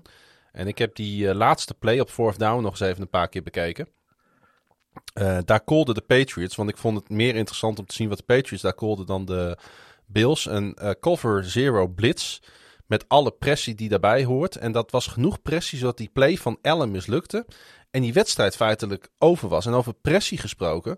De Patriots wisten 32% uh, van de dropbacks pressie te brengen op Allen. En in die situaties was Allen 0 uit 7 passing. Dat ja. zegt wel heel veel ja. natuurlijk over de, de, de gameplan en de defensive calls van de Patriots. Ja, nu heeft Jordan heeft natuurlijk ook gewoon weer een beest van een seizoen. Zo. En die Van uh, Noy, die, uh, die is ongemerkt ja. uh, ook, een, ook een belangrijke asset natuurlijk. Ja. Maar ja, daar, daar hadden de Bills gewoon eigenlijk geen antwoord op. Nee. En ja, dat is een beetje, ja, een beetje zonde in de zin van... voor mij als neutrale kijker was het zonde. Want ook was de score lag redelijk dicht, lag dicht bij elkaar. Ik heb toch wel tot het einde gekeken, maar ik had niet het idee dat de. Ik had al vrij snel. Had ik het idee van dat gaan de Patriots toch wel winnen. Gewoon omdat zij de boel. De omstandigheden beter bespeelden. Zij hadden door wat er gebeurde. Zij konden. Ja, en de, en de Bills die, die, ja, die, die konden eigenlijk niks. Nee, want uh, iedereen had het natuurlijk na afloop. En dat is ook wel een beetje terecht over die run game. En over uh, de ontbrekende pass game, waar heel bewust voor werd gekozen. Maar heeft niet eigenlijk gewoon de defense van de Patriots deze wedstrijd uh, gewonnen? Ja, zeker weten. Uh, de, de defense van de Pats heeft hem gewonnen wat dat betreft. De gameplan van Bill Belichick was... Ik bedoel, Bill Belichick was al coach of the year kandidaat. naar deze wedstrijd heeft die positie alleen maar versterkt, vind ik. Mm. Um, ook gewoon omdat uh, ja, het aan de Bills kant... die die zijn met een bepaald idee die wedstrijd ingegaan. En ze hebben daar, geen, ze hebben daar nooit meer vanaf kunnen stappen. En ja. ik vind, je moet je juist, juist kunnen aanpassen aan de omstandigheden. En wat de tegenstander doet, weet je, dat maakt je een goede coach. En ja, ze, ze bleven hetzelfde proberen, wat eigenlijk steeds net niet lukte. En de, en de keer dat ze dat die, dat die Bills dan een keer scoren, ja, dat komt dan eigenlijk ook voornamelijk om, omdat ze de bal eigenlijk. Dat was die, die uh, punt toch? Die mislukte van de, van de Patriots. Omdat hij tegen de wind in moest. Ja, en die klopt. ging maar voor een paar yard. En dan kregen zij de bal ergens op de 25 yard lijn van de Patriots. Of de 30 yard lijn van de Patriots. Kregen ze de bal alweer terug. En, en, en volgens mij was dat. Oh nee, nee, dit was die andere punt die tegen die helm van die dingen aankwam. Ja. Van die verdediger van de Patriots. En daarom hadden ze de bal ergens op de 10 yard lijn. Daar scoorden ze die touchdown uit. Ja. Uh, dat was het. Maar ja, goed, weet je, het was een cadeautje. Het is, ze hebben eigenlijk, uh, en de keren dat ze wel het veld een eind overkwamen, ja, dan gaan ze ervoor op fourth down en scoren ze niet. Maar als je in, de, in zo'n wedstrijd, als je 50 yards over de grond pakt in vier kwarten uh, in deze omstandigheden, dan ja, kan dat... je deze wedstrijd natuurlijk nooit winnen. Nee. Als dat het is bij elkaar opgeteld. Ja, en dan was, Nee, het, dan was, het, zeg, dit was echt een mismatch voor de Bills eh, wat dat betreft. Ja, maar ze, ze hebben zich gewoon niet aangepast aan de omstandigheden. Ze hebben gewoon met een bepaald idee zijn ze die wedstrijd ingegaan. Die waarschijnlijk normaal gesproken heus wel gewerkt had. En daar hebben ze nooit vanaf kunnen stappen. Terwijl de Bills of de Patriots gewoon gezegd hebben: Nou, het is niet alleen eh het team dat we spelen, maar ook de omstandigheden waarin. Ik, vind- en, ik weet niet of het meespeelt. Eh, misschien ga ik nu wel heel erg ver. Maar ik hoorde in de postgame locker room speech eh Belichick zeggen... That's why we practice, practice in this shit.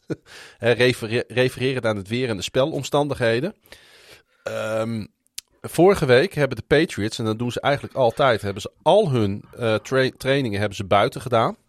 ja, ze oefenen volgens mij alleen maar binnen als ze tegen een doomteam gaan Precies, spelen. dat klopt. En het was natuurlijk, eh, vorige week, was de hele week was het al slecht weer in Buffalo.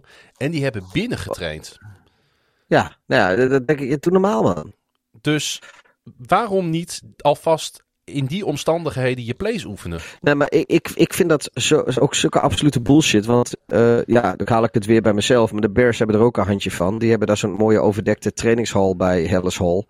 En daar willen ze dan ook wel eens in gaan trainen door de week. Terwijl ze al weten dat het zondag op Soldier Field ook kut weer gaat zijn. En dan roepen ze bear weather, bear weather. Ja, ga er godverdomme dan ook in trainen. En ga niet gewoon lekker... Want anders heb je er geen voordeel bij. Nee. Kijk, als jij tegen Miami speelt, om maar wat te noemen, in, in december in Chicago. Dan moet jij gewoon in het absolute shit weer buiten gaan trainen. Zodat jij er een hele week in hebt rondgelopen. En dan heb jij er zondag voordeel van. En dan voelen al die lui uit Miami, die voelen zich miserabel en kut en kloten. En die staan er een beetje bij die space heaters te koekeloeren. En te hopen dat ze eindelijk weer het vliegtuig naar, naar Florida mogen pakken. En jij staat daar gewoon van, ja, fuck it, weet je. Ik, afgelopen dinsdag was het weer kloteriger. Ik vind die wel best. Maar als jij de hele week binnentraint, sta je er net zo miserabel bij. En dan heb je er geen voordeel meer van. En wat dat betreft hebben de Patriots dat inderdaad prima gedaan. Want, eh, weet je, die lui die krijgen genoeg betaald om, om gewoon even lekker af te zien in kloten weer door de week op een middagje op het trainingsveld. Die hoeven niet de hele tijd gepamperd te worden in een tent. Helemaal mee eens. Ehm, laten we eens even nog snel door de overige wedstrijden heen scrollen. Degene die we, waar we misschien nog niks over gezegd hebben, maar wel wat over te zeggen is. De Eagles wonnen dus bij de Jets 33-18 en die zijn lekker bezig, hebben we het al over gehad. Ja, De Giants verloren dus bij de Dolphins 9 tegen 20. Ja, ik noem heel bewust de uitslagen, want er komen wel eens wat, eh, wat klachten over binnen. En de Washington voetbalteam is eh, goed bezig. Die wonnen met 17-15 in eh, Las Vegas. Best wel een knappe overwinning. En wij hadden ze natuurlijk al zien winnen een week daarvoor in eigen huis tegen Seattle. Ja nu eh, met een eh, game-winning field goal van Johnson. Die was toch, was hij niet van de straat geplukt of zo? Eh, er, staat, er was een verhaal bij hem. Ja, dat zou een goede Who's That Man zijn. Maar die hebben we natuurlijk eerst niet voorbereid. Eh, misschien voor de volgende keer. Ja. Maar wel knap. En ja, ze staan erbij. Hè. Ze staan op een playoff spot, de Washington Ja, die- voetbalteam. Die Ja, hebben zich, dat- dat- zichzelf een beetje opnieuw uitgevonden tijdens het seizoen. Hè? Nou ja, kijk, de, ik vind Washington voetbalteam vind ik gewoon echt een heel mooi voorbeeld van een team, net als de Dolphins eigenlijk in de, in de AFC, die eh, gewoon een moeilijke start heeft gehad en die op een gegeven moment toch eh, eh, het lek boven hebben gekregen en gewoon een hele goede streak neerzetten, goede series neerzetten en Ja. in één keer weer meedoen. En ook op tijd om nog op tijd te zijn. Niet te laat om nog op tijd te zijn. Nou ja, je, je snapt wat ik bedoel. Wel een dure nederlaag voor Las Vegas. Die natuurlijk ook er een beetje eh, omheen hangen. Ja, die hebben het eigenlijk net andersom. Maar die zijn heel Ja. sterk begonnen. En die, eh, die eh, lijken het een beetje kwijt de laatste weken. Ja, wie het ook eventjes kwijt waren, maar nu een, in de Saints natuurlijk een fijne tegenstander hadden. Die ja, gewoon totaal niet op volle oorlogsterkte zijn op dit moment. De Cowboys tegen de Saints 27-17. Nou, Ehm, ehm, en toch is mijn hele goede gevoel over de Cowboys is een beetje teniet gedaan de laatste weken. ja, ze hebben dus die, die, die nederlaag gehad tegen de, tegen de eh, Chiefs. Gi- Giants verloren. Ja, ja ook, maar de, maar de Chiefs, en vooral ook omdat de Chiefs, hun def, de, de, de defense van de Chiefs is niet zo goed. En toch hebben ze daar maar negen punten of zo op het Ja. bord weten te zetten. En, en dat stelt me wel heel erg teleur. En ja, dan, ja ik, ik moet het, maar goed, het seizoen is lang. Langer dan eh, ooit. Absoluut. En, eh, De Buccaneers, die wonnen ook makkelijk van de Falcons. Hadden het in het begin nog een beetje lastig. Maar op een gegeven moment leek, het, leek eh, even inderdaad leek gelijk op te heel even, maar op een gegeven moment was het erop en erover. En was het toch gewoon, ja, het klinkt een beetje saai. Een reguliere overwinning natuurlijk voor de Buccaneers in Atlanta. Eh, over die divisie gesproken. De Panthers hadden een bye. Maar er was wel nieuws te melden over de Panthers. Want ze ontsloegen Joe Brady, de offensive coordinator. Kwam voor mij best Ja. wel als een verrassing, dit ontslag. Niet dat het goed gaat of zo met de Panthers. Maar ze deden Het dat, eh, ze deden dat eh, ehm, tijdens de early window afgelopen zondag. Alsof ze het een beetje onder de radar wouden brengen. Dat vond ik wel een beetje vreemd. Ja, het, mo- het moment was wel een beetje, een beetje slecht gekozen. Wat dat betreft was het eigenlijk beter eh, zondagochtend kunnen doen. Want dan was het eh, vrij snel onder, ondergesneeuwd geraakt in het geweld van alle wedstrijden. Ja. Ehm, Maar ik, had nou Ja. ik, had niet het, ik heb niet het idee dat, eh, dat Joe Brady nou krankzinnig veel te zeggen heeft. Ehm, eh, hij is een jonge coördinator natuurlijk. Ik heb niet het idee dat hij het probleem van Carolina nee, is. Nee, precies. Dus ja, ik, ik, ik, weet je, ik ben ook sowieso niet zo'n hele grote fan van zomaar mensen ontslaan. Nee. Maar eh, kijk, eh, dat, dat, dat die eh, Urban Meyer nog rondloopt in Jacksonville vind ik eigenlijk een schande. Na alles wat er gebeurd is dit seizoen. En ja, dit had ik zoiets van, ja, weet je, als je hier al wat mee wil. Ja, blijkbaar denken de Panthers dat ze dan of op de eerste rang zitten om nieuwe coördinators eh, te gaan vissen. Mhm. Of eh, ze, denken, eh, ze denken dat ze nog mee gaan doen met wat, met wat anders. Anders kan ik geen reden verzinnen om waarom ze het uitgerekend nu deden. Maar ja, ik denk dat er gewoon echt oneenigheid was over het, over het Oh personeel. ja, dat kan natuurlijk ook. ook slaande ruzie gehad wat, hebben. wat opgesteld is. Want ik kan, kon me al herinneren dat ze rare keuzes maakten die week daarvoor op de O-line. Ze, eh, ze schoven met hun left tackle. Die werd opeens de left guard bijvoorbeeld. Wat in die wedstrijd absoluut desastreus was. En als eh Matt Rule toch die beslissing had genomen ehm, en niet Brady, dan was er dit waarschijnlijk niet gebeurd. Dus ik denk dat ze Ja. echt oneenigheid hebben over de manier waarop er gespeeld wordt en waar de poppetjes neergezet moeten worden. Dat Ja. denk ik. Oké. Ja, nou ja, dat, ik denk dat je daar eh, op zich gelijk in hebt. De, dat, dat, is, dat is de derde mogelijkheid inderdaad. ja. Dat, ze, dat ze acute uh, dusdanig meningsverschil gehad hebben dat het onoverkomelijk was. Maar dan vind ik het wel raar dat het juist in tijdens de wedstrijden... ehm, tot, ja, tot, dat lijkt dan eh, ook wel een beetje een bewuste keuze te zijn geweest. eh. Ja, Zo van, eh, we, we, we hebben een buy. eh, andere potjes zijn bezig. Laten we dit nieuws nu maar brengen. En ja, het ontslag van de coördinator is ook niet eh, echt een headliner natuurlijk over het algemeen. Nee, en vooral niet omdat, ja, sorry voor de Panthers fan, maar de Panthers spelen dit seizoen uh, wederom een bijrol. Dus, ja. ja, wie ook uh, bijrollen spelen, dat zijn uh, respectievelijk de 49ers en de Seahawks. Alhoewel de 49ers, als ze iets van hun seizoen hadden willen maken, hadden ze eigenlijk deze pot juist moeten winnen.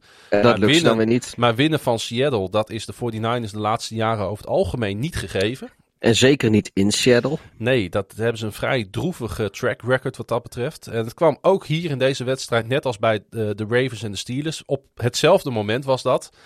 Voor de Red Zone kijkers was dat uh, erg spannend. kwam het ook weer aan op een bepalende laatste fourth down. Uh, ja. Uh, de 49ers hadden er nog overtime kunnen uitslepen. Maar ik, ik vond het eigenlijk best wel een knappe pot van de Seahawks. Die ook verdedigend best wel lekker in de wedstrijd zaten, vond ik.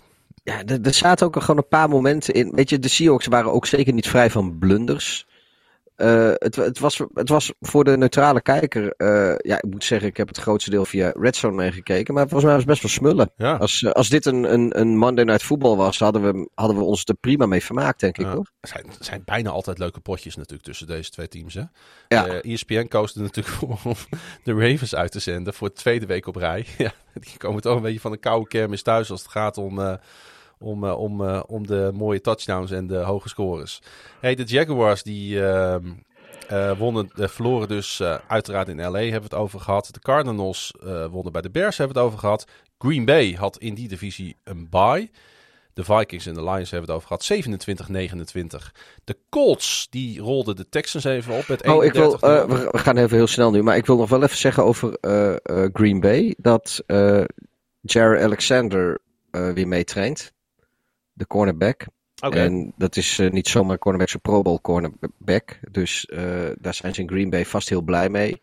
Uh, wil niet zeggen dat hij komend weekend tegen Chicago al speelt. Hij, hij heeft zeg maar die drie weken window waarin ze gaan beslissen of hij bij het team blijft of dat hij definitief op injury reserved gaat. Ja. Maar in het voor Chicago slechtste scenario zou die komend, komende Sunday Night Football al tegen de Bears kunnen spelen. Nou ja, er is voor de Packers en... natuurlijk ook een slecht scenario, want Justin Fields speelt weer voor de Bears.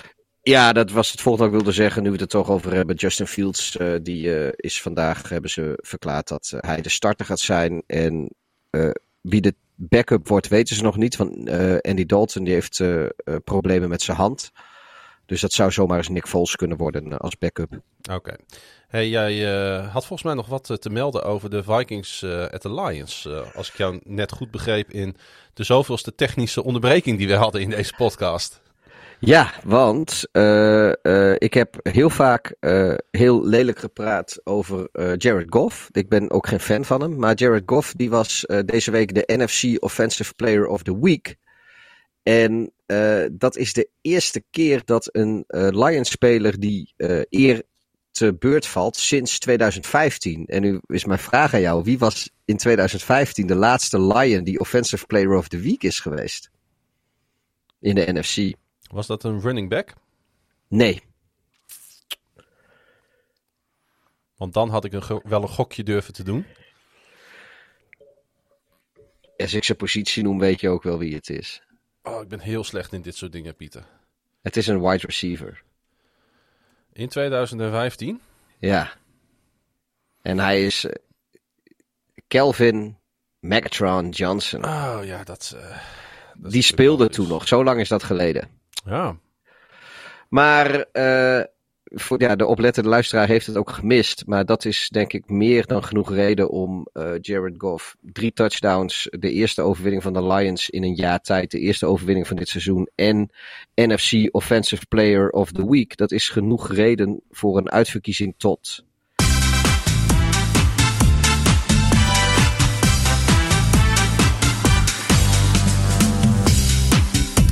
Want uh, Jared Goff is dus uh, de biertopper van de week.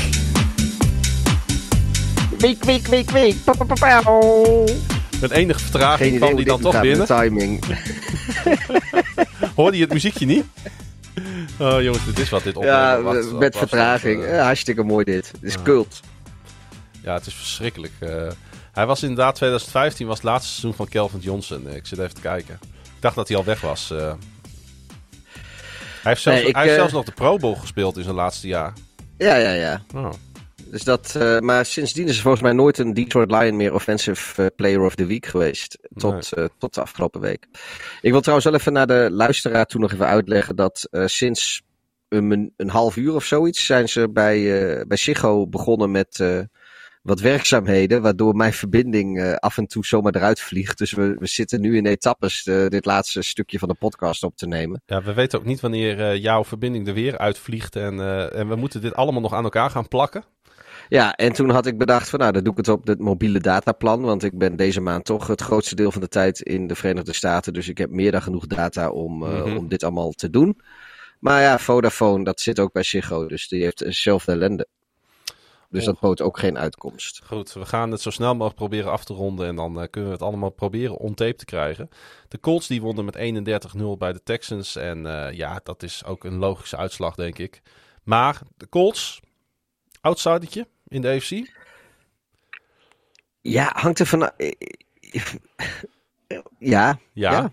dat zijn ze ik denk, wel. Ik denk nog steeds, voor mij zijn nog steeds de Titans wel de favoriet in de divisie. Ja. Uh, die hebben natuurlijk een bye gehad, maar uh, uh, ja, zo, die hebben voor mij nog niet, ondanks dat ze een hele domme nederlaag hebben geleden tegen de Texans, um, de, voor hun bye aan, mm. denk ik wel nog steeds dat zij de team to beat zijn in de AFC South. Maar ja, de Colts die doen wel mee voor een playoff plek, zeker weten. Nou ja, ik vind het wel mooi altijd dat teams zich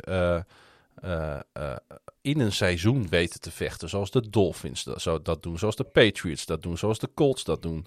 Dat, dat, dat, dat team. Washington voetbalteam. Washington voetbalteam. Dat ze zich vastklampen. Dat ze, dat ze, dat ze. De Lions. Nou ja. Nee, ja, maar die Dit, ook... dit is het begin, hè? Dit is het begin van een winning Nee, streak. jongen, die gaan nu alles verliezen, maar daar gaat het niet om. Eh, eh, weet je, eh, verliezen komt gewoon in het woordenboek van de Amerikaanse sporten niet voor. Ja, ze verliezen wel, maar ze, ja, er ja. wordt zelden met de pet naar gegooid.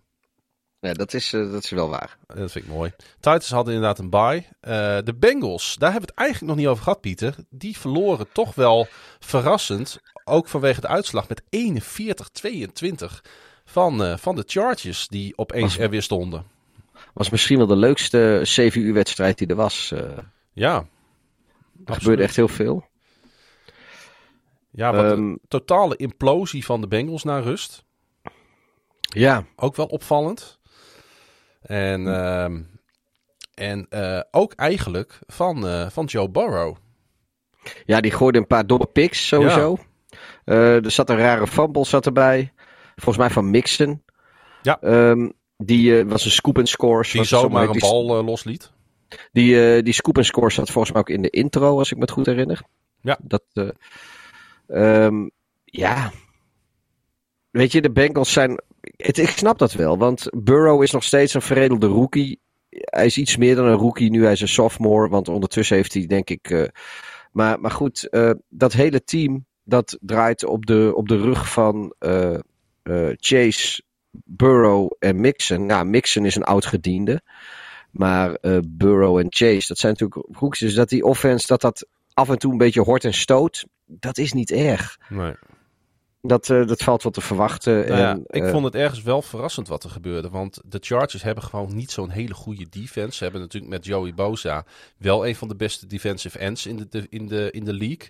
Maar eh, eh, hun run defense was tot nu toe abominabel slecht. Ja, maar ik denk dat als, als, als het bij de Bengals niet lukt, dan lukt het ook echt niet meer. Dat zag je ook. eh, de Bengals verloren op Soldier Field vroeg in het seizoen. Van een Bears team waar later ook bleek waar je eigenlijk helemaal niet van het hoeven verliezen. Nee. En daar was het ook, weet je. Daar, ze- Burrow die gooide daar een paar intercepties op rij. En in, ja, toen waren de wielen ook van de wagen. En dat gebeurt hier eigenlijk ook. Alleen dan zijn de Chargers wel in staat om een, een partij punten op het bord te zetten. Van heb ik jou daar. Eh, nou ja, omdat de, Beng of de, de Chargers wel een goed team zijn. Ja, het was, Kijk, dat, dat, het was echt heel erg slordig wat de Bengals lieten zien. En dat ja, precies. heel apart. Want ze zijn tot nu toe, waren ze dit seizoen ook in hun verliespartijen best wel gedisciplineerd. Maar zij hebben natuurlijk, laten we eerlijk zijn, Joe Burrow go- gooit en speelt een geweldig seizoen. Maar die heeft zijn run game wel nodig. En als Mixon dan eh, eh, eh, 54 yards noteert, waar die in de wedstrijden hiervoor back-to-back 100 plus yard games had. Ja, dan redt, Ja. Dat, team, dan redt dat team het net niet. Nou ja, precies. En, en eh, ja, de Bengals. Ja, weet je, het is nog een jaar te vroeg voor ze. We hebben in het begin van het seizoen gezegd van, oh, ze, ze liggen voor op schema. Eh, als je nu kijkt naar hun record en, en hoe het uiteindelijk overal gaat, liggen ze perfect op schema. En er is geen enkele reden voor de mensen in Cincinnati om zich zorgen te maken. Want eh, ik denk nog steeds dat ze volgend jaar weer een beetje beter gaan dan dit jaar. En, Mhm. en dat ze de goede kant op gaan. Eh, het begin van het seizoen trenden ze een beetje boven hun nominaal, om het zo maar te zeggen. En nu komen ze er af en toe wat onder. Ehm, ik denk dat de Bengals eh, nog steeds een prima seizoen draaien. En dat, eh, dat daar gewoon goede dingen gebeuren. En hetzelfde geldt trouwens voor de Chargers ook. Die eh, draaien een soort gelijk seizoen. Die hebben ook Nou, sterker nog, dalen. sterker nog, beide teams staan nu op een 7-5 record. Nee, maar die, die, die hebben ook soort, soortgelijke overwinningen en soortgelijke nederlagen een beetje. Mhm. Dat je denkt van, hoe kun je nou dit verliezen terwijl je vorige week dit won? Ja. Of andersom. En ja, Want- ik denk dat, eh, dat, dat ze, het zijn gewoon twee teams die, ondanks dat eh, de Chargers nu bijna een keer zoveel punten als de Bengals op het bord gezet hebben, toch heel erg eh, dicht bij elkaar liggen. Ze hadden natuurlijk die rare nederlaag vorig weekend in Denver. Waar wij opeens zoiets hadden van, huh, waarom verliezen de Chargers nou uitgerekend in Denver? Mhm. En nu winnen ze in Cincinnati in dat uitverkochte stadion. De mensen zijn daar helemaal lijp. Het stadion heeft in 20 jaar niet zo vol gezeten. Mooi hè? Ja, ik, ja, nee, ik gun het die mensen van harte daar. Ja. Het is niet zo dat ze in een hele... eh, ja, wij zouden, wij zouden ons er wel in Cincinnati. Wij zijn niet zo kieskeurig. Nee, wij, wij, eh, wij eh, strompelen ook door Baltimore en Detroit. Maar Ja. nee, ik denk dat deze toch even pijnlijk is. En dit kwam natuurlijk, laten we. Want als je het dan hebt over de AFC die in elkaar klinkt. Deze wedstrijd droeg daar ook aan bij. Want Ja. nu het hele pact schuift in elkaar. Want hadden de Bengals deze wedstrijd gewonnen, ja, dan hadden zij aan kop van de AFC North eh, gestaan. En dan had Baltimore een nog veel groter probleem gehad. Ja, precies. Nee, dit, is- dit is. Ja, en het was gewoon. de- deze wedstrijd doet eh, leuke dingen in beide divisies. Dus de AFC West en de AFC North. eh, doet dingen in de hele AFC die leuk zijn. En het was gewoon individueel als wedstrijd ook gewoon echt leuk om naar te kijken, volgens mij. Ik heb hem voornamelijk via Red Zone gezien, maar ik denk dat ik hier ook prima vier kwarten alleen van had kunnen zien. Eens. De Ravens verloren van de Steelers met die gemiste two-point conversion. En de Broncos en de Chiefs. Laatste wedstrijd eh, op ons lijstje waar we niet zo heel veel over gezegd hebben. We hebben wel wat over de Broncos gezegd, maar niet per se over deze wedstrijd. Ehm, ik vond namelijk dat, eh, eh, dat de Broncos defense best wel een goede pot speelde. En de Chiefs best wel onder controle hield. Alleen met eh, Teddy Bridgewater eh, gaan de Broncos gewoon die oorlog niet winnen, Pieter. Want die was echt, echt heel matig. En je ziet gewoon dat Ja. hij niet de, de, de, de, de, eh, het, het, de wapens in huis heeft. En dan bedoel ik niet zijn medespelers, maar zijn eigen skillset. Hij heeft niet de skillset in huis om buiten de lijntjes te kleuren. Waar natuurlijk hè, Patrick Mahomes dat wel kan, aan de andere kant. Ja, nee, ja kijk, eh, ehm, Bridgewater is, is, is een soort van ja, dink en dank eh, quarterback. Eh, niet, niet te moeilijk, niet, niet te ingewikkeld. geen, geen turnovers als Stephanie hoeft. Hij is in principe zou hij niet de oorzaak moeten zijn dat je verliest. Maar hij is ook zelden de reden dat je wint. Ja, maar hij was het dit keer wel. Want de Broncos speelden echt niet zo'n beroerde pot als deze uitslag doet vermoeden. Nee, dat klopt. Dus kijk, als jij dan tegen een, een team speelt met een Patrick Mahomes, die, eh, nou ja, weet je, de Chiefs zijn er weer stukken beter dat, dan dat ze een paar maanden geleden waren, toen ze Mhm. echt een, in een slump zaten. Ja, als je tegen dit soort teams speelt, ja, dan moet je gewoon met, met je allerbest mogelijke eh, bezetting spelen. En daar hoort een Teddy Bridgewater niet bij. Kijk, een Bridgewater is een quarterback, dat is een prima backup. En als jij, eh, eh, nou ja, als jij bijvoorbeeld de Chiefs bent en Bridgewater is je backup en je speelt drie wedstrijden zonder Mahomes en eentje ervan is tegen de Green Bay Packers en de andere zijn tegen de Broncos en de Chargers. Nou ja, dan win je misschien van de Chargers en de Broncos met Bridgewater, maar je verliest alsnog met de Packers.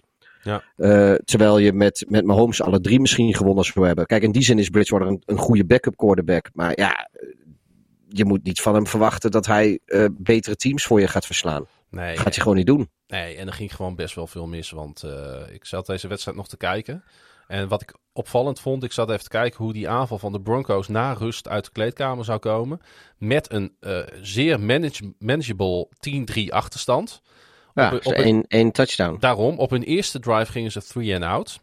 Op de tweede drive werd Bridgewater eh, eh, onderschept door eh John Thornhill. En op de derde drive rende een speler van de Broncos, volgens mij was het Stearns, into the returner, zeg maar. Deontay Spencer. Oh, ja, die heb ik gezien. Ja, Dus dat was absoluut, moft. absoluut debiele Ja, waardoor de Chiefs weer een, een, een fresh set of downs kregen. Ja, eh, de, Hou maar op. Hou maar op, precies. Zeker als je in Kansas City speelt. Eh, dan zijn we er doorheen, Pieter. Ja, Eindelijk. ja ik, ik stel voor, we hebben natuurlijk... Ja, maar gaan net- knippen en plakken. Ja, ik stel voor, we hebben natuurlijk net nog wel hebben gehad over, het, over dat, dat voorspellen. Dat doen we met een korte, korte, korte vooruitblikjes. Doen we dat eh, nu, vanaf nu voor de, voor de betalende leden. Ja. Zo zijn we nou een keer. Eh, ik vind het wel zo eerlijk om eh, de allerlaatste keer dat we voorspeld hebben in, het, in, in, de, in de open podcast, om die even af te ronden. Dat is al een poosje geleden. Dat is voordat we op vakantie gingen. Dus dat was, wat was de eerste, eerste week die we, waar we waren? Week 11 of zoiets? We kunnen gezien de technische problemen sowieso er wel voor kiezen om het nu gewoon wel even nog te- doen deze keer. Ja, dat kunnen, we ook doen. Ik, eh, dan kan ik je vertellen dat. eh, nou, we, hebben de, we slaan twee weken over, namelijk de afgelopen speelweek en de speelweek ervoor. Eh, de week waarvan ik nu ga vertellen hoe de uitslag was, dat is de week van eh, Baltimore en Chicago. Dat was de eerste week dat wij in de Verenigde Staten waren. Volgens Ja. mij is dat week, week 11 geweest. Ik heb weer gewonnen. Ai, dat is jammer. Want ik zat, Margin, op, marginaal ik met zat op een streak, hè? Ja, je zat op een streak van twee, geloof ik. Ja. En eh, dat is zo'n langste streak ooit. Eh, Maar eh 7-8. Dus het is, scheelt ook niet heel veel. Jij, had, eh, jij werd een beetje cocky, want jij had eh, de Giants, die zouden Tampa Bay wel even verslaan. Vond Ja. jij. Maar zo ben ik. En Las Vegas zou Cincinnati verslaan. Dat is ook niet gebeurd. De New York Jets zouden Miami verslaan. Is ook niet gebeurd. Het enige waar je wel gelijk in had, is dat Baltimore van de Bears won. En daar draaide de wereld om. Ja, nou ja, dat vind ik niet uh, absoluut een kut, kutzooi was dat. Goed. Is het al uit het systeem? Ja, lang hè. Nee, het gaat nooit meer aan mijn systeem. Neem, dit blijf ik altijd persoonlijk kwalijk nemen. Oké. Hey, ehm, eh, zullen we gaan... Het had, eh, het had 13-9 kunnen zijn. Dat was mijn verjaardag. ja, als je waarde hecht aan dat soort onzin. Hè? Hey, eh, Zie, d- d- dit, kijk, dit, dit, is waar, dit is waar we ruzie om krijgen. Dit soort dingen. nee, maar we hebben helemaal geen ruzie gekregen tijdens de reis. Nee, maar daar kunnen we het nu wel even... even Ja, dat zou kunnen. voor de, voor, we, gaan, eh, we, kunnen ook, we gaan nog een keer ruzie krijgen, maar dat is dan ook achter de betaalmuur. Hey, er zijn nog steeds in week eh, 14 teams die een bye hebben. Verraste mij een beetje.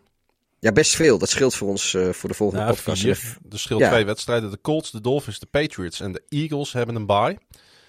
En eh, nou, laten we maar gaan voorspellen. En dan beginnen we natuurlijk bij Thursday Night. Ja, Pittsburgh en Mini- eh, Minnesota Vikings. Ja, Minnesota. Jij zegt mini. Ja, het moet.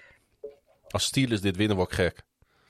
Ik zeg dan ook Pittsburgh. Ik wil wel gek zien. Weet je, waarom ook niet. Dan word ik helemaal lijp. Dan ga ik dingen Eh, slopen. Baltimore Cleveland. Jij zegt Baltimore. Ja. Nou, dan zeg ik ook gewoon Cleveland, weet je. We gaan ook gewoon even... Jacksonville en Tennessee.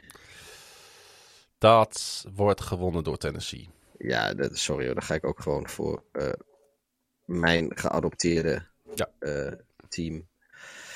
De Tennessee Titans. Eh, Las Vegas at Kansas City. Ik ga wel als eerste. Ik zeg KC gewoon. Ik zeg Las Vegas. New Orleans at the Jets. Eh, Jets. Nou, ik zeg daar toch New Orleans. Eh, Dallas at the Washington voetbalteam. Dit is een hele lastige, denk ik, om Ja, te voorspellen. Ook een leuke pot. Ehm, zouden nu eh, er wat meer mensen zitten in, op FedEx Field? Ik denk het wel. Ik zag eh, de laatste keer dat wij er waren, zag ik al iemand met een hele grote Cowboys eh, cape omzitten. Met hele grote sterren erop. Ik, ik, ik snap wel waarom die Monday Night Football en die Sunday Night Football... dat daar toch wat lege plekken altijd te zien zijn. Want je bent zo ongelooflijk laat weer thuis. Dat is niet Hang- normaal. Ja, kijk, in Chicago is hij een uur eerder, of Ja. is, is de uur vroeger. Hè? En, en da- daar vond ik, vond ik het al, ja, vind ik primetime niet per se geweldig om heen te gaan. Hoewel, ja, nou hangt een beetje van het weer af. Je, je, je loopt Maar gewoon de Oostkust- maar- eh, dat ja, stadion uit, hè? Primetime, primetime aan de Oostkust is gewoon, ja, we waren één uur, één uur terug in het hotel. Ja, het maakt voor ons geen reet uit. Of eh, kwart over één, maakt voor ons geen reet uit. Want wij zijn de volgende dag toch vrij, we zijn op vakantie. Mhm. Maar als je daar gewoon een kantoorbaan hebt en je wekker gaat om zeven uur. Ja, dat bedoel ik. Ja, Dan snap ik wel dat je, dat je zo'n wedstrijd misschien juist laat schieten. Terwijl eigenlijk de tofste wedstrijden zijn. Maar goed, eh, dat tezijde. Ehm ik ga voor Washington. Ik geloof Ik- wel in hun streak. Oké, ik eh, ga hier voor Dallas. Atlanta at de Carolina Panthers. Ja, dat vind ik op dit moment toch een beetje... eh, Dat zijn echt twee teams in decline. Die echt het niet goed voor elkaar hebben. Nee, ik, maar ik heb iets beter gevoel bij de Falcons op dit moment. Ik heb ook de Falcons hier staan.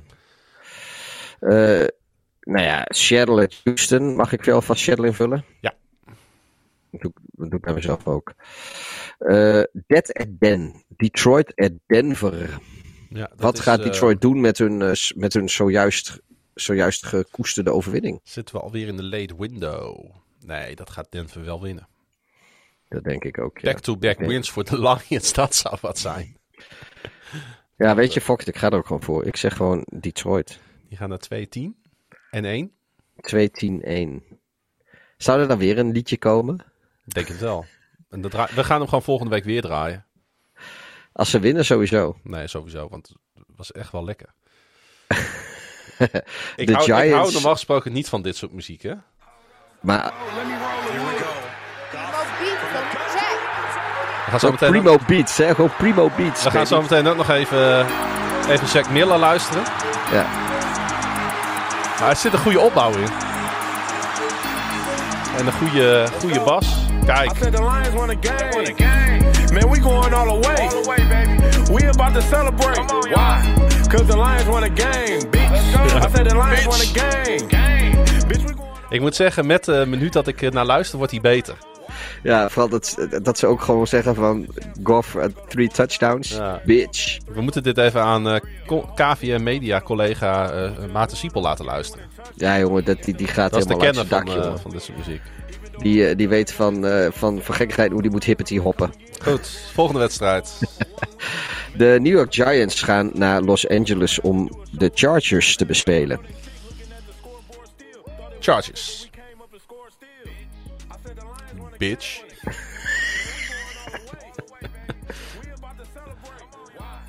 Jij gaat ook Because the Lions ja. won a game. San Francisco gaat naar Cincinnati. San Francisco. Ik zeg Cincy. Ja, hier. ik ga nu ook gewoon echt in de AFC North ga ik echt pikken wat ik hoop. Ja, precies. Eh, Buffalo naar Tampa. Ja, dat, dat, dat, dit is een belangrijke pot voor Buffalo, joh. Dit kan het seizoen echt maken of breken.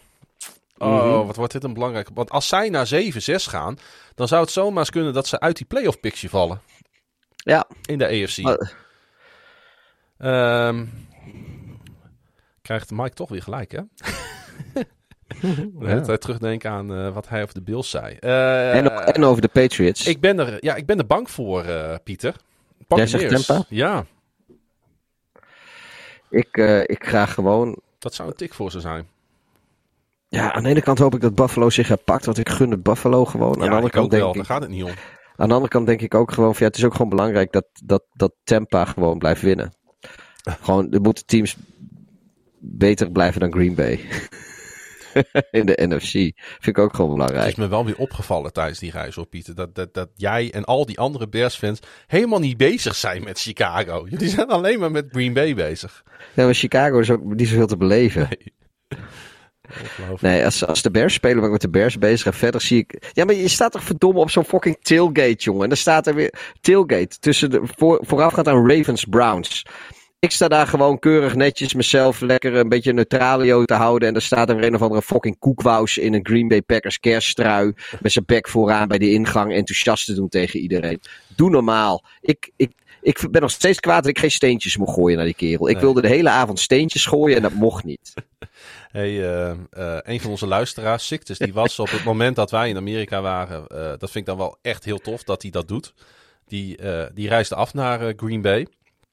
En. Bay won die wedstrijd natuurlijk ook. Want we weten allebei wat het kost. En de kaartjes op, eh op Lambeau Field zijn niet goedkoop. Dus eh, ondanks dat het niet jouw team is, ik wou even mijn respect daar toch voor uitspreken dat hij die reis heeft, heeft ondernomen. Z- zeker, zeker. Want het is, een, Ik, het ik- is mijn uithoek, hè? Petje af hoor. Ja, precies, petje af. Nee, nee, nee, nee, ik- ik ben niet cynisch. Ik nee, meen dat. ik, nee, ik ook niet.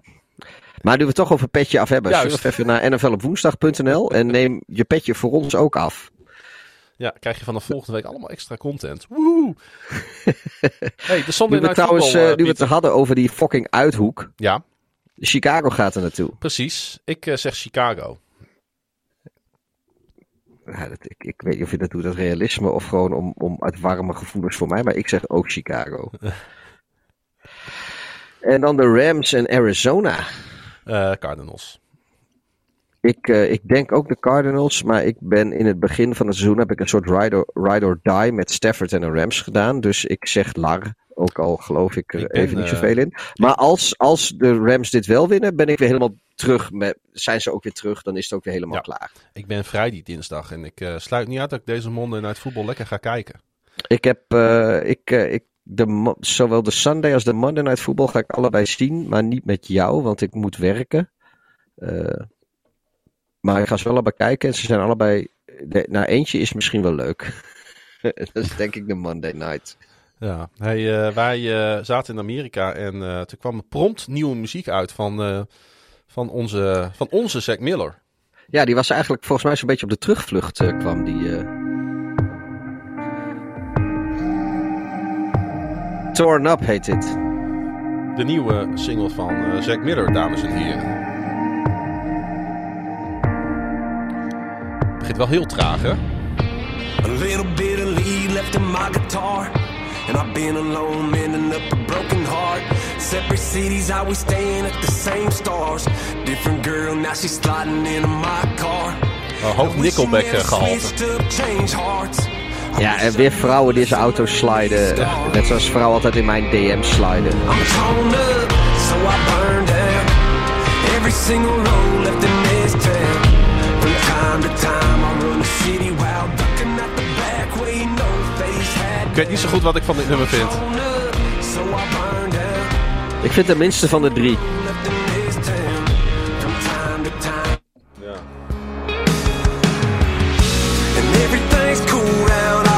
Is toch iets meer eh, wat je verwacht als je een Amerikaanse bar binnenloopt, dit hè? Ja, Van dat andere hangt een beetje tussen hele foute country gospel en Nickelback in. ja, dan moet ik wel zeggen dat deze heb ik zo gemixt dat hij altijd, als je hem start, direct op het goede moment in het nummer valt. En die andere twee, die staan gewoon in zijn geheel erop. Dus die begin je vanaf het begin. Dit Deze is eigenlijk ook. de lekkerste qua intro. Ik vind deze intro echt ijzersterk. Ja. Textueel en muzikaal. Was hoping I could catch her on her way to school. Nee, ik vind die, eh, die eerste... Pass her on the shoulder, man. I try to play it cool. Het is maar goed dat je me nu niet helemaal kan zien, eh, Pieter. I'm right behind her in a hallway. Damn, I'm a Nee, je, je ziet ook alleen mijn schouders maar in mijn hoofd. Maar Ah, mijn handen heb je al heel lang niet gezien. Wat een bevalling, eh, deze uitzending. Ja, dit, eh, volgende week ben ik als het goed is, eh, Oh, mag, ik weer echt, gewoon, eh, mag ik weer gewoon Hoe doen de andere wereld. podcasts dit? opnemen op afstand. Ja, joh, dat zuigt echt harige apenkoten. Ja. Het zuigt ook alle energie uit mij. ja. Ja, ik vind Ik bedoel, nu moet ik straks alleen dat dat vallen in iedere plaats... week volhoudt. eh, Ja, maar wie moet ik nu even knuffelen dan nu? jezelf. Dat ga ik ook zeker even doen. Daar is ook niks mis mee. Hey, je kan ons Nee. volgen op de socials. Eh apenstaatje Klaasie Grun, dubbel A, dubbel S, dubbel N. Dat ben jij op Twitter en Facebook en social, social Instagram en zo. En ik ben eh apenstaatje Darth laagstreepje Hideous op eh, eigenlijk alleen maar Twitter. En we zijn natuurlijk ook gewoon apenstaatje NFL op woensdag. Kijk ook even op kvmedia.nl wat het moederbedrijf, het Groningse podcastconglomeraat, nog meer produceert.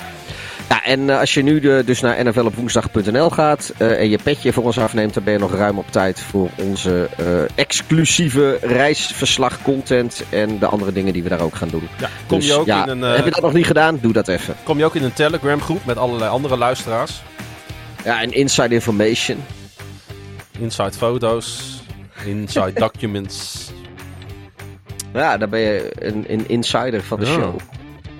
Hey, ehm, wanneer die, eh, dat reis, die reisverslagshow online komt, dat weten we niet, omdat twee van de vier in quarantaine zitten. Ja, en ik hoop wel voordat ik weer opnieuw naar Amerika ga. Ik dat is wel het eh, plan voor eh, volgens mij. Dat is, ik denk dat iedereen jou dat natuurlijk wel vindt. Ik, ik wil iedereen bedanken voor het luisteren naar. dit was alweer aflevering 28 van seizoen 2. En wanneer we er weer zijn. Volgende week dinsdag gaan we opnemen, dus woensdag gewoon. En eh, hopelijk goed eh, is. zitten wij dan gewoon weer tegenover elkaar. Eh, hartstikke bedankt voor het luisteren. Tot volgende week. Beste maar weer.